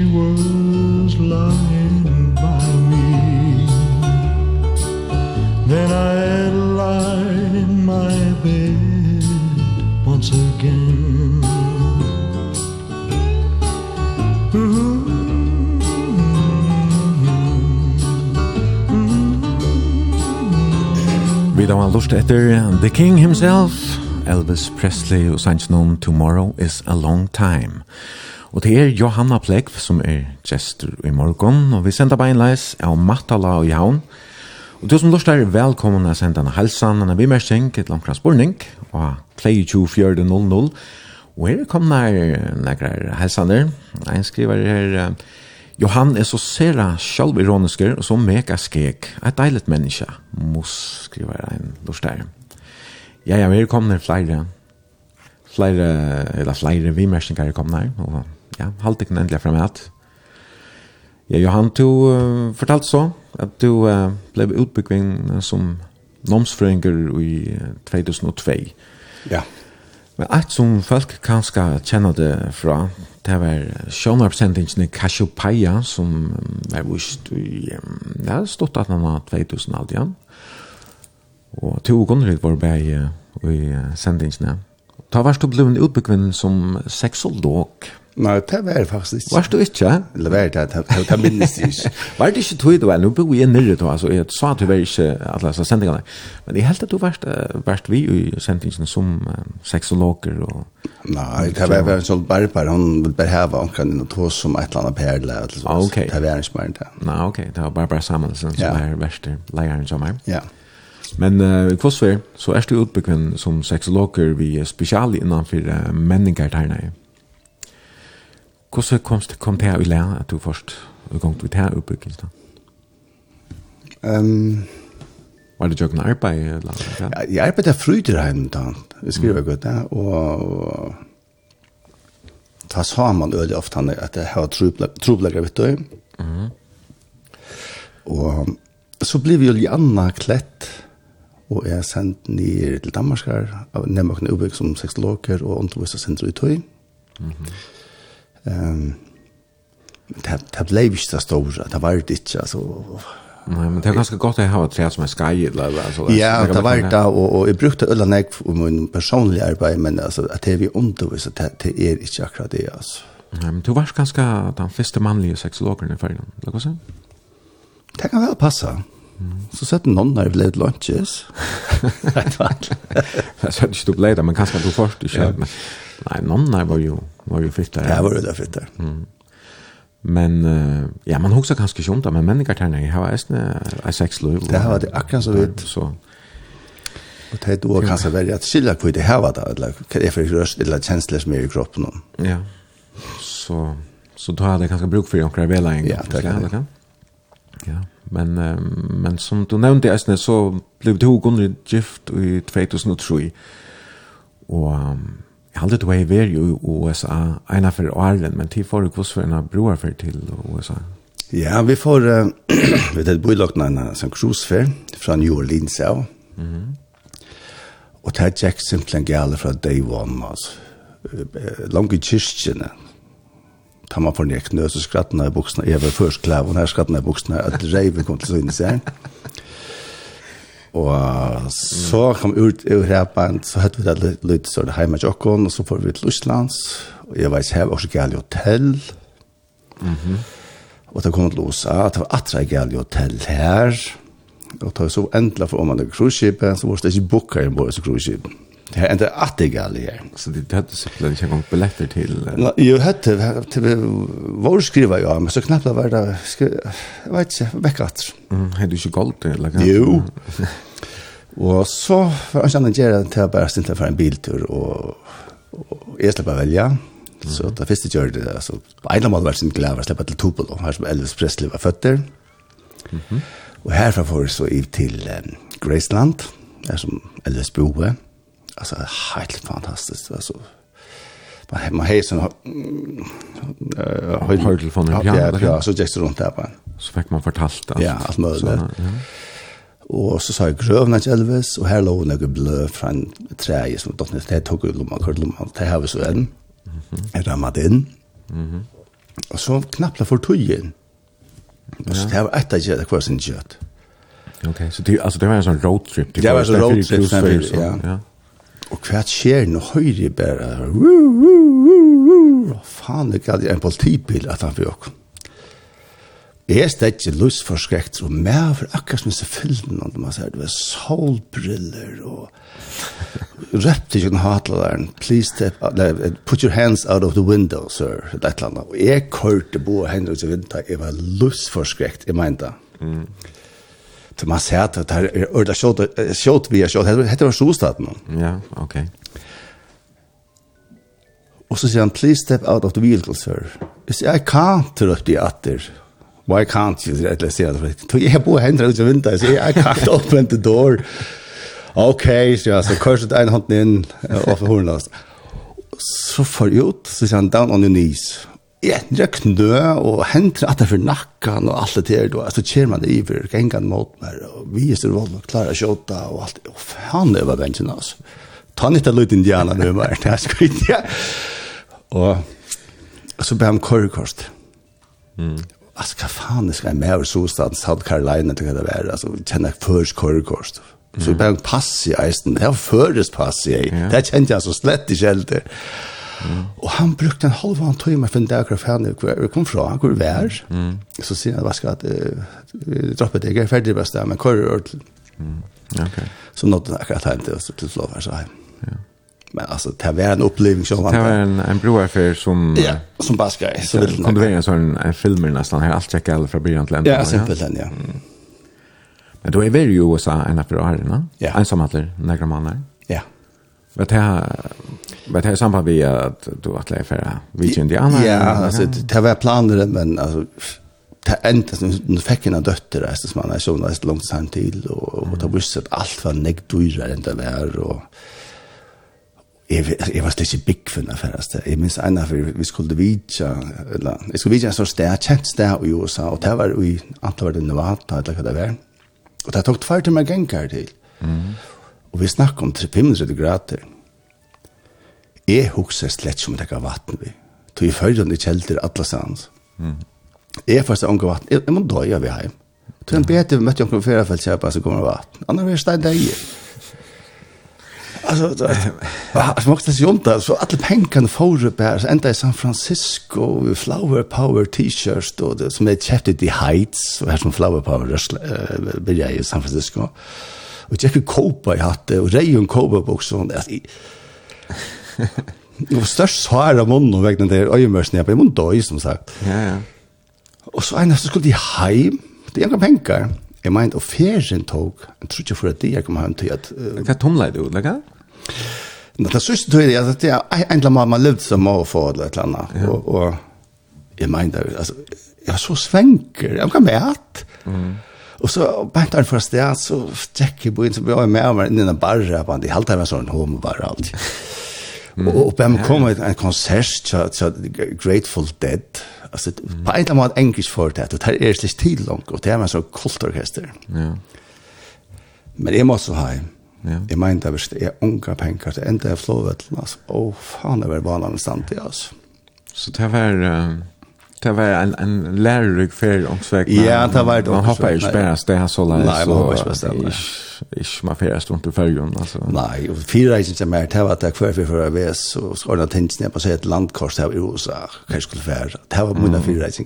Det här teler ju inte. Men du var väl nekva det här i Bränn? Ja, alltså USA är ett land som är älskar. Mhm.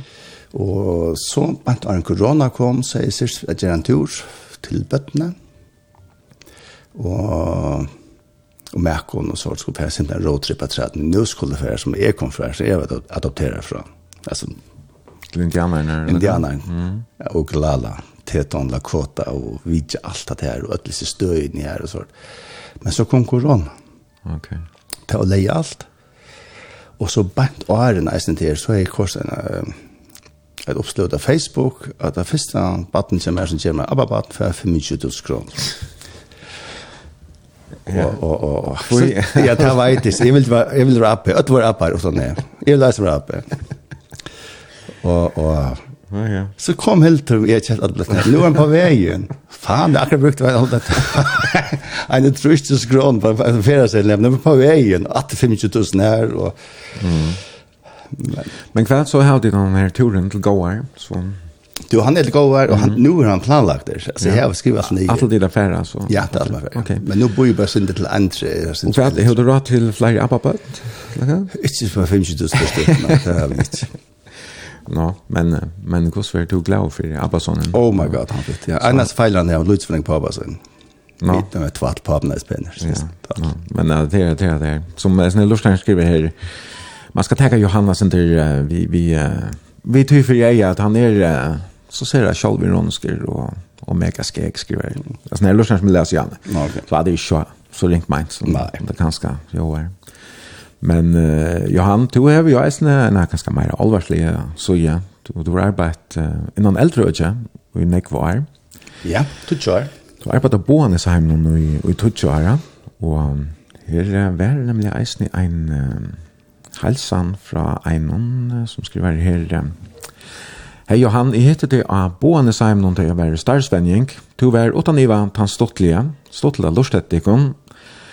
Et lydig uikast, andre mestjer, ensamme madlur reimauer. Halsan hin og i Vestmanna. Å oh, ja, yeah. Ensamme cool. madlur reimauer, det er altså. Hei det tja, Abbasonen, andre. Det er faktisk ordentlig indianer navn, faktisk. Mm. En annan skriver, hei Johan, vi saknade av trialon. Trialon, ja så ser det stått lite. Jag var samma vi hälsan en gammal starspelare. jag av boende sen Ja. Mhm. Mm jag har varit som sagt och i Tudjo har du gavst i sommar, men um, varst vi från du vi från att det där börjar eller? Jag var vi fra början ja, vi har. Faktiskt en månad och det öppna ja. Mhm. Och hetta var ett örtje som jag slett inte kände till, men jag är alltid yngst affär innanför ett örtje här, men tog jag man ju alltid hörste det vi eller alla de äldre folk. Mm. Alltså det lus runt det här var och ja, äldre folk är alltid behundade helt. Ja. Så det måste ju röna. Det är alltid spännande det och alltid något att fortälla. Ja, och och, och ta på som är ta på som hem i öppna. Det var det så väl fyra fältsnäpp. Mm. Och jag var så tacksam för för det första pär som i hur flott innan på hans hem. Mm. Det kommer kolla för den och Jack at jeg var kjempen bare så stortlig, altså han hadde jekvann, og han tro på holdt og folk, og visst, mm. alle så, han var totalt klar i høtten og alt det som han greide fra, og alt det der. Men tror annars reisende fortalt søver for, for de gamle? Og, ja, ta, var den, ta hjemme faktisk og lave tøy til disse søver og spille gittar, og vi får det ofte som en rollatorband inn i rusen og kjøpe vojen, og det var ordentlig stått litt, tror jeg gamle koner, så er det Det var faktisk ordentlig stortlig. Så du, du varst som tan, tan honalige, tan som yeah. fjolka i om og yeah, gjør det til stortlige tingene. Var du ikke tan som ska vaska i dem och Jo jo, det gör det. Alltså jag skulle vara ansett för spärr till en honom som någon strömmen, men det har kött ända i rökten i isen. Mm. Men jag tror man får något ut där som att bilen var så på någon stor det kött som hattas sig kyrkan. Så det fest det gör det ofta det var sent om man förra bror så kött sig där och så får vi bilder och så och så. Och det var faktiskt ordentliga honalet. Var det alltså var det alltid gamla fältsna alltså det är äldre fältsna här som som var vi på det här. Ja, ja, det var vi på det så. Jag var inte äsna, väl det äsna det var. Var det vi på det äsna? Ja, det var så jag var kom så på den kamera så där. Men hade det inte varit så var det stoven hade hon och så minns att jag måste för att läraren säger att var ska alltså det tycker vi och så. Vi är lärare så vi har sagt att det är ett hem. Mhm. Jeg kan ikke si at jeg kan, nei, jeg kan ikke få meg glass av vin til at jeg klarer på Så fikk jeg, så ok, fint å slippe å drekke en glass av vin. Men jeg er ikke meg, da. var et glass. Fint, sier jeg, så, så kort det var. Ja, kjem man, kjem man takt på han? Man kjem øyne takt på ja. Altså, jeg, som nevnte NF4 alt, jeg har jo ikke mørk. Mm. Og altså, jeg vet hva det første var sånn kvi, og, mm. og første kærleik, sin hjertesorg, og ja, alt. Jeg fortalt deg alt. Ja, heila folk der.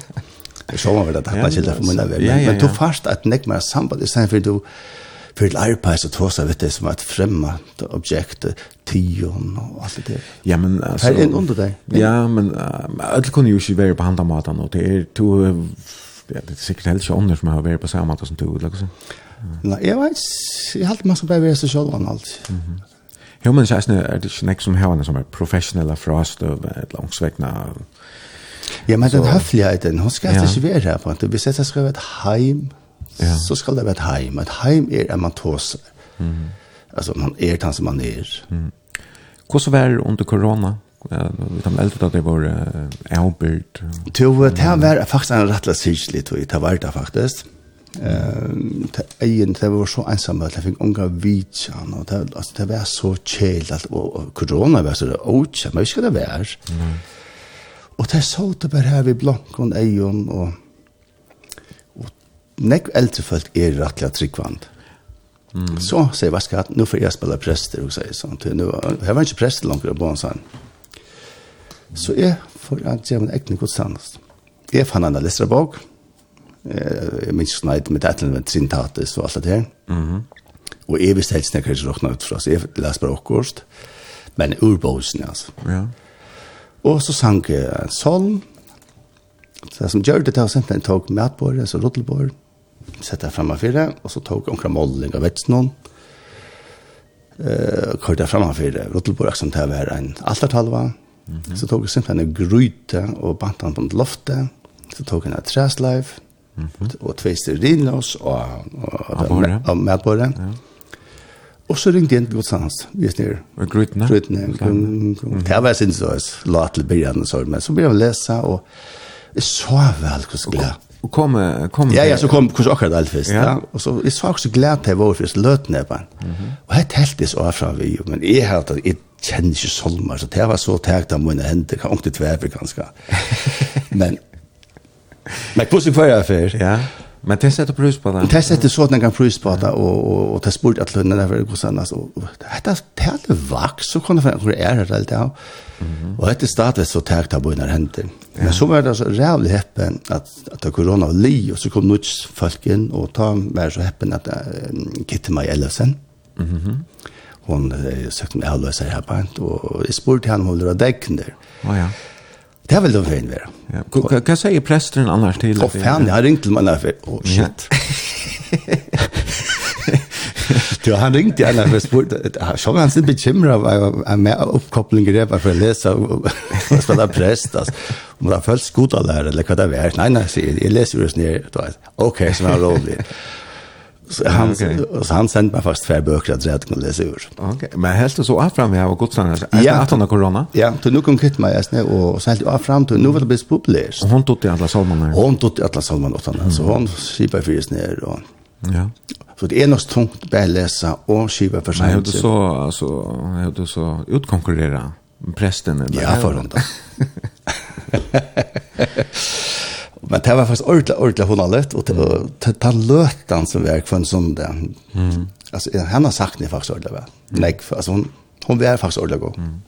Ett som det sikkert säkert det fyrir her i reisene, og, og kanskje eisen, jag vi fyrir minnes det i samband vi, det var um, et mål som var framme i middelen om en terrasse som ble har gjort utanför Boanesheim. Ja, oh, ja. Ja, det passar. Um, att den på Boanesheim är... Um, en stor bygning her, som hatt som okra luttla terrassa er. Og jeg fått av gråte, ja. Jeg huksa så til at, henne, at alt dette gråte var en parser av hita kipan. Mm. Vi heter sjåhita. Ah, ja. Og jeg spurte jo akkurat om Og man kunne kjenne det, det her som det så, det kom sånn komst, det er virkelig et om det igjen, men her som gråte, her var sålt at det tøyna, det var helt sjåvande til jeg var, og hitt ikke man sier, men det var det slett. Mm.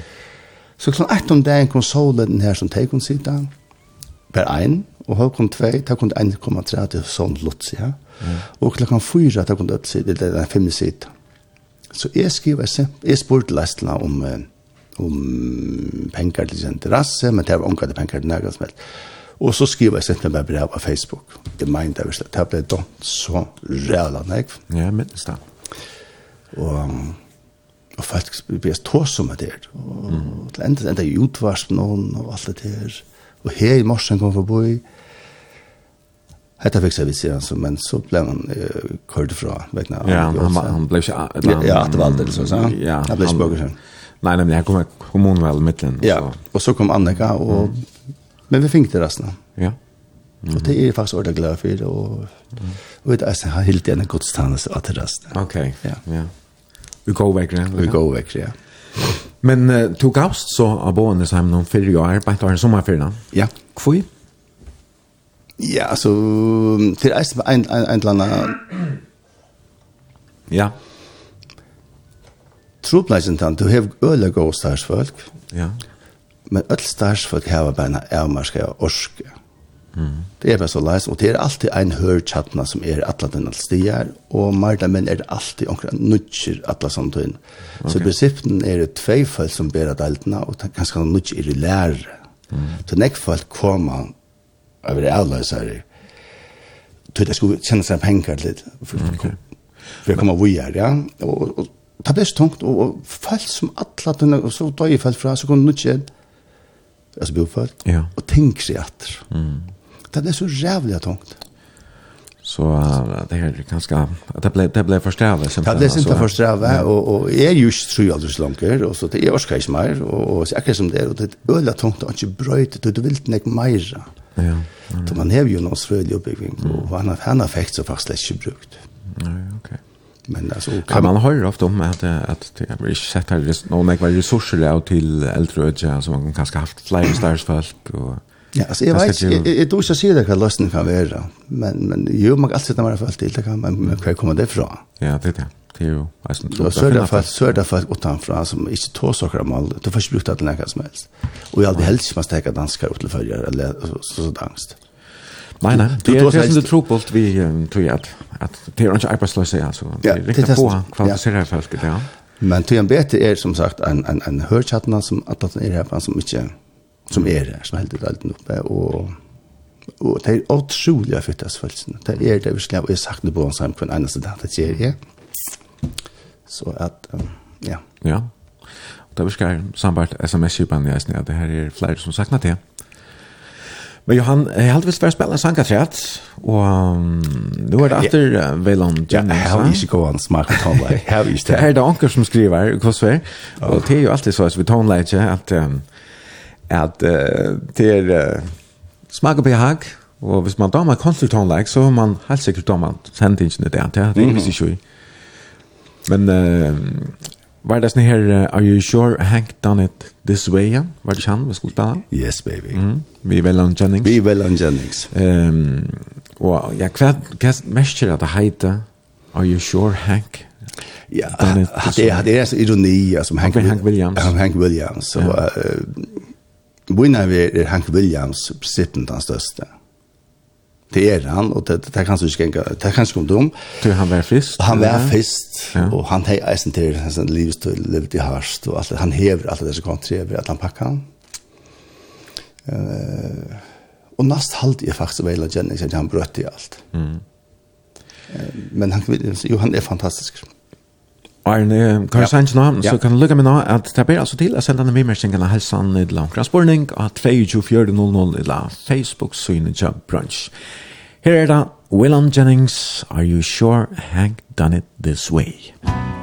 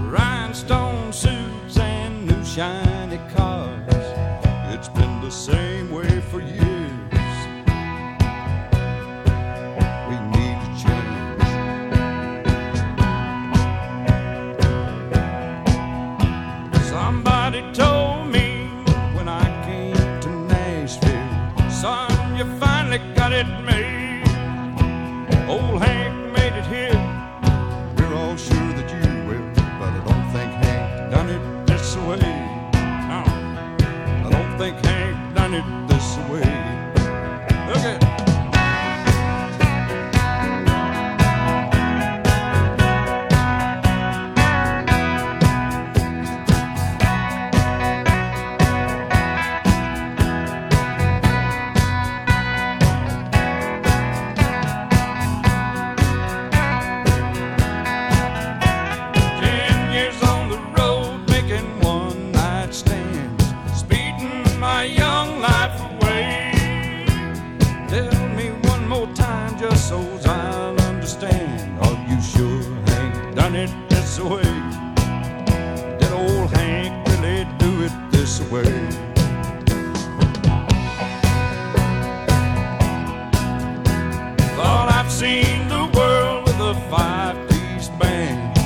looking at the backside of me. Singing my songs, one of his now and then. But I don't think Hank done them this way. No, I don't think Hank done them this way.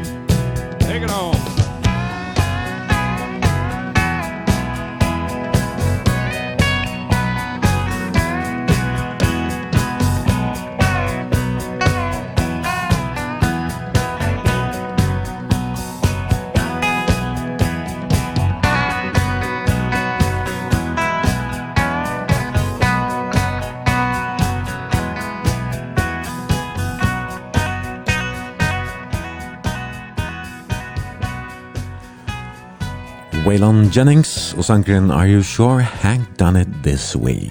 Det er dagsens gestor Johanna Pleif som ville tonleggjen, og vi da etter håndene spalt nekrar sanger vi uh, Waylon Jennings. Alt for hår.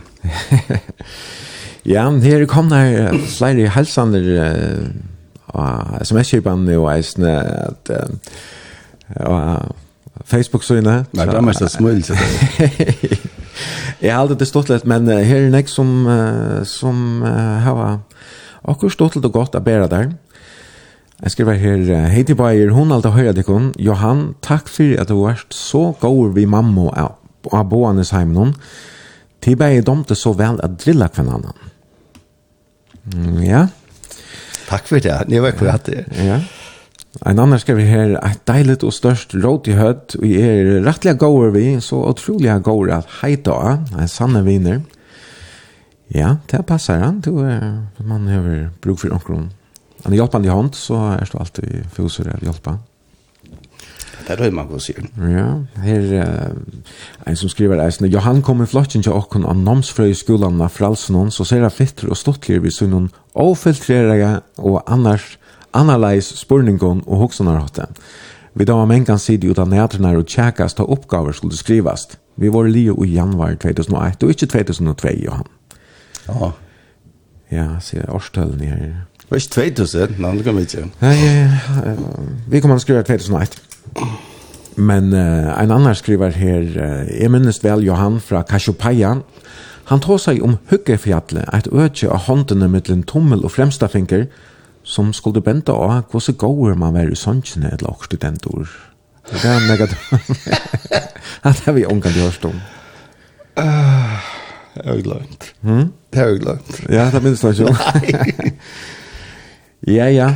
Her kommer det flere helsen vi får lese om hva jeg om man har løt i Johan, men uh, du gavst altså av Bånesheim noen i sommer, men uh, så finnes jeg noe starv, du, du er billig av og eh och Eilagarra eller där fjällgalon fjällgalon kvärt är det för jag står fjällgalon ja. Till äldre borgare ja så är det det är inte Edelsheim nej det är inte Edelsheim nej det är mer fast bruk för rov och ja. omsorgan som som är ni har Albion ja som är Albion ja. Örvis en bättre att jag blir äldre eller kan ja. Och kvart kvart har man där till men då har det fast ordla va Mm. Alltså faktiskt ordentligt, ordentligt, ordentligt väl. Jag tror det faktiskt rättliga väl där nere. Här är mega fett starsfolk och gå, gå friska lejare och alltså man har faktiskt ordentligt väl där. Men um, är du helt det gudstjänst där och så? Nej, det har vi inte. Det har vi inte. Alltså, jag är bara vidare två månader. Okej. Men kvar vet. Ja. Du är ganska anka gå hos gott långa. Men annars, um, kvart ligger för framåt så där uh, bortsett från tog? Jeg har du fortalt meg at um, sonden Hakon, som hva er han nå, en tjo? Han er en tjo, ja. ja. At han uh, kjøtt for å flytte inn der, så, så bor du ikke ensam til ganske mer. Nei, jeg, jeg har en øyebord i Kjattlæren, jeg har en øyebord i Erva, mm -hmm. og han flytter så i Erva. Ok. Og det gleder meg faktisk rettlandning til. Um, jeg kommer ja. tatt her, og uh, sammen med Johan til sa. Ja. Og døtter som bor på en sunnere her i veisene, så det er så, mamma bor på en på en sunnere, og så det er som alle familier med samler. Ja. Alle er her i Vesterbøynen? Sjølvande. Ja. Er du, er du ikke kunne bo i hinnen til andre bøynen, eller? Nei, det er ikke klart. Ungen chans. Mm. Men nu är det bara en brött i rattlarna vi gläser och allt det här. Han är inte den samme som bara för allt, allt det gröna till ju väck. Alltså. Men, ja, men ja men Vestmann er best, ja, det må jeg si. Mm. Men jeg slikker bit kan man bo i, altså her man tror vi stemmer over at det er best alt, ja. Mm. Nemlig, ja. Men Johan, du finnes vi nekve, nekve anna, men landa så stående du ena for denne fyrtøkket, jeg synes, ta tanka. Å, oh, ja. Det er sånn et indianere navn. Ja, tatt du i bisen også. Mm. Vimmeren som er Jon Johansen, vi kjette eh, en tarv, så råd rådgjø tarv, en ja. telt og en hoppeborg. Mm Mm. Och så får det färdas landet rundt og vis ner och og som sjårar så säger Jon vi med at man må röker sigar, Så säger jag okej, ja, men hvis jeg ska röka sigar, så det være sånt som Clint Eastwood röker. Det har man så det sier, sigarill. Mm. Och så blir jeg röka atter, Ja, da så var jag fra bankas der, så man röker av tål, mittlen för det så atter cigill och så ena för att för bojen alltså Jeg lommer fotland av lukken tål, en sigil. Altså, jeg er bopper. Altså, jeg sier, her tog vi jo faen hvis det er helt fedder og ikke hadde dumt kjatt. Men ta tanka, det er øyla stått til hverdagen, Det var, man fyrir sånt alle stande, så er man... Du var til alla, alla, ta var jo stövner stadigvæk. Ja, var stövner alle stande, bygda stövner. Var det Arnfestivalen? Ja, det var en Arnfestivalen, ja. Og man fyrir landet rundt, nesten kurs, eneste vik, men det var räva sträv, alltså jeg är inte klar av det. Bunteslett, Øyla Öle bunteslett, og så blir man leie ut, jag omförs ut, det köpte han ut så blir man leie ut dessa stövner och telefonen ringte i Heilen hade ikke, og så hål här och så. Mm. Nej. Det det blev för Hoppeborg som läkare. Ja, och så där så nei, det tungt man slänt. Så sålde till god god person jag men sig friare pläck. Och han dotte nek bättre ha fallt till sånne ting och så. Ja, och han kallade vi ja. Han kallade vi ja till till en för Ja, han då det vel, og han stod den namn så tankar så det är nog stort. Ja, nämligen. Ja, ja, men annars så har du uh, trønnet til ute i Havnadelle. Yes. Hvordan uh, gjør du noe her ute nå om vetren, eller? Jeg kjør så den bikter han ikke i år, jeg fikk han i fjør. Da gjør det fast og slett, og i år har jeg plantet, eller har jeg plantet trø. Ja.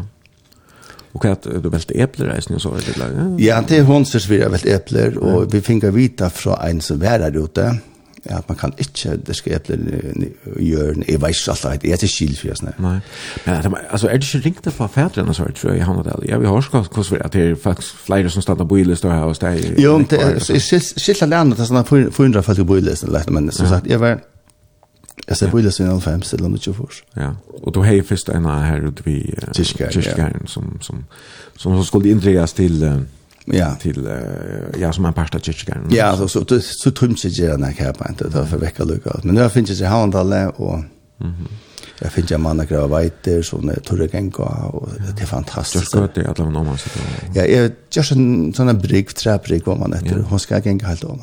Mhm. Ich så slent men. Nei, Så her brukar du en en parst av nästan. Ja. Men uh, Johan, her er du kommet Uh, flere sms på, og eh halte på en måte. Hvis vi skulle nå at Fire Sanger at træt, da vet ikke om vi skulle du Ja, jeg sa kvist er vel Jennings, han han spalter alt for lite i sin Ja, men han fer vi fer enda vi honom. Okay. Du reisne valt eh din Marsten og Tom D Hall. Tom D Hall ligger reisne her. Ray Price. Ja. Og jeg halte vi kunne stretcha oss, så du kan skal spela ein og så läser vi uh, hälsan och så har det att han Hvis, okay. det er, hvis du gjerne vil ha en skal spille en sangkantrell. Ja, så er det da. Ja, prøv å veile han. Har spalt han. Jo, stått litt erst, han. ja. Men um, jeg halte vi for, vi har en vi veile her som vi for enda vi, som sagt. Ja. Så Tom T. Hall, Ray Price, eller Dean Martin. Ringt av velja? Nei, det er det ikke. Mm. Skal jeg velja for det? Ja. Vil du för meg? Ja, men så hade vi det höra din Martin. Okej. Mm. Eh kvart er det tärt om så väl vi honom. Han är ju omtraltare resten. Ja, han är en chabör. Alltså ja. där han och rötten som hon är alltså fabelaktig. Mm. Han tog det. Han hejar det. Vi tar her Sanjen Little Old Wine Drinker Me.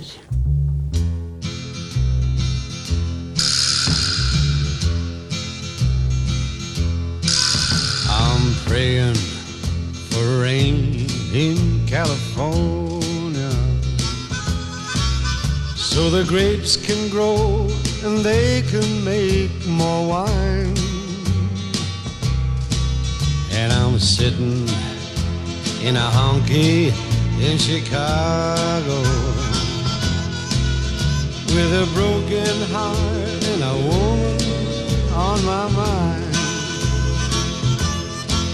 I matched the man behind the bar for the jukebox and the music takes me back to Tennessee. When they ask who's a fool in the corner crying? I say a little old wine drinker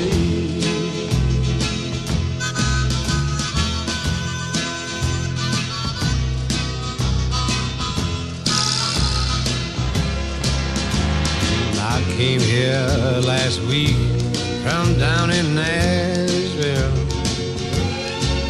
Cause my baby left for Florida on a train. I thought I'd get a job and just forget her. But in Chicago, a broken heart is still the same. I matched the man behind the bar For the jukebox. And the music takes me back to Tennessee. When they ask who's a fool in the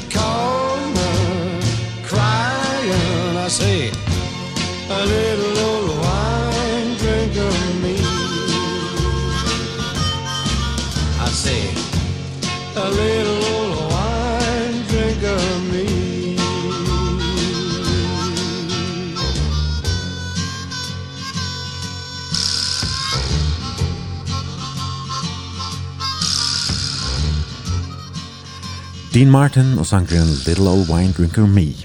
Og til Johanna Plekv, som har vært gestor nå i tvær timer i bransj, og vi da var sendt beinleis av Matala og i Havn, Og det er nekvar helsane komnar, bei og sms-kibane og Facebook-synet til brunch. Og jeg ætla spørre å lese omkring om Johan. Ein skriver, mm. Hei Johan, ta pappa bare vær av boende heim noen, hei han da ikke særligt, men så en dag fortalte han at du hei givet hon en øl at vi. Han sier at det var den beste ølen han nekker det hei finnes jo i løyven hon. Stora takk for at du gav honom hesa løtna. Takk for det. En annan skriver her um, Medistapilsa er indisratteren Jai Johan, gamle starsfelleie. jeg trodde det var det her. Vampasopan, eller Nei, det er rokkelakker. Og ikke slem medistapilsa. Johan damte vel sangaren Roy Orbison, og en av åttan en hund i han kallet Orbison. Ja, det var fitt. Og omgang sang vi Orbison hadde valgt det. Ja, det var så. Ein skriver her, jeg vet ikke om jeg leser den.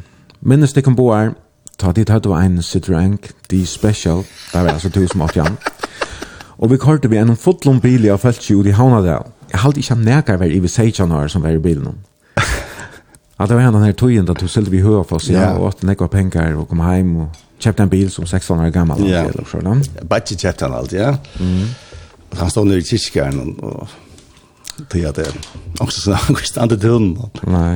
Nei, det var, det var en stått bil. Ja. Hei til Bayer, til skilder meg penger for bensin, helsa moster. Det vet jeg ikke, men det var moster den som åtte bilen som uh, mamma til Lonti, ja, den her mast, Ja, hon, som du ja, ja, hon, bo, ja, hon bor i Eistheim med Jokken, da, det passer, det er godt at det skulle heller videre av Eistheim. Ja, ja, og så er det en brunn Master 323. Sådan, hatt jeg ligger bare helt vel underhaldende, helsan inte Svearsoneren. Åh, gov. Mm. Mm. Ein skriver eisen her, hei Johan, du er sera firekommande og blir at møta alt vi det goa og du vel av vaska vemper, vi har haft nekvar honalige løter, helsan Sørvingren. Takk så mye. Ja, ein, ein andre helsan her. Positiva orskan til Johan, sier det lit og hendan annars groa leir det. Takk som for jeg kjenner det, Johan, skriver ein lorstare. Takk Og er, er en annan som skriver, Johan er et deilig og ærligt menneske. Jeg har ved plankan som min munte til ikke løyvi av Chris Kristoffersson. Helsan Chris. Eller Chris. Chris. Ja. Ja, det var sånn her planken som han skulle genka, at ja. han kom og vidtja det her, og signera i chatlen. Ja, jeg helt at jeg snær skulle eia, det er helt, det er han damas øle var Kristoffersen. Ja. Ja, her er nekvar helsaner. Gå Johan, jeg kjenner deg jøkken arbeid av boende Simon. Du er stund egen, og du er vel av er i løtene. Takk for det. Så søtte noen har blitt lunsj. Skal jeg da for noe? Ja, ja. Alt det beste, Johan, helsan fra Norrstatsgeneralen. Og så er det en, en forklaring her, Eisne. Og i samband med det her som jeg spurte om, om, om det her vi hånden, ja. Ja Vi kan man skriva vojar til var Merida Nilsen som er håndlesare som sier at folk vi har som bleita Venusfjallen, eller hva de kallar det, i håndene, er også seksuelt aktiv, så vidt är minnes i Kashupaia. Ok. Det minnes du ikke ordentlig, ja? Mm, nei, det, nei, det minnes ikke. Nei, nei, nei. Men... Um, Men så norstadsgeneralen, det var stolt i. Ja. Tack tack för norsen, vi kom från sosen för det kvar som bonar. Vi var grejackar, det var blajackar så rivit. Mm. Och hur kocken Lena vatten. Det var en ordentlig stått det. Minnest første vakna boan i Simon, jeg la i sofen nu kvulte med, ta seg i gamle, nu er tog jeg færre kotsjena, til nu er kokkeren internaver. Var du kokker snir eller? Um, Eller var det han? Ja, det var kanskje han, vi kom an som var kokker ja, det... Vi kommer skriva så vi är en tack för det teat som du varst för dig öll. Og en skriver här, vi som är i fjolkalon i det, halda eisen i at Johan sitter. Så Här är vogn för framman. Ja, åpenbart. Og som det deilig å høre vinnen og ser at Donalia, fyrverende startsvilligen, Johan hentan vata og grå gråa leiamorgon, en ser inspirerande, vitande, menneskjallir og festlige personer. Du sitter fakra lider og hentan gråa dagen. Takk for gåa sending, og aller beste innskjer helsan S. Ja, Johan? Ja? Det er nek som har sendt helsaner inn, og du slipper at sutja der, lesa der, alle rettene, du kan kanskje kjenne du omkring telefonnummer noen, og her er det kommet her treataisene som jeg aldri ikke hadde ferdig at lesa meira, men Du kan så läsa alla självberättarna. Men vi får ända vid en sancha. Och det här är... Meina det er det vel han. Ja. Endelig, så ta. Men jeg spør bare det en live-utgave, så at, ja. at vi nesten kunne høre sin hvordan han var som, som personer. Jeg vet ikke om du hun kan lette trett annars, så er han blitt enda.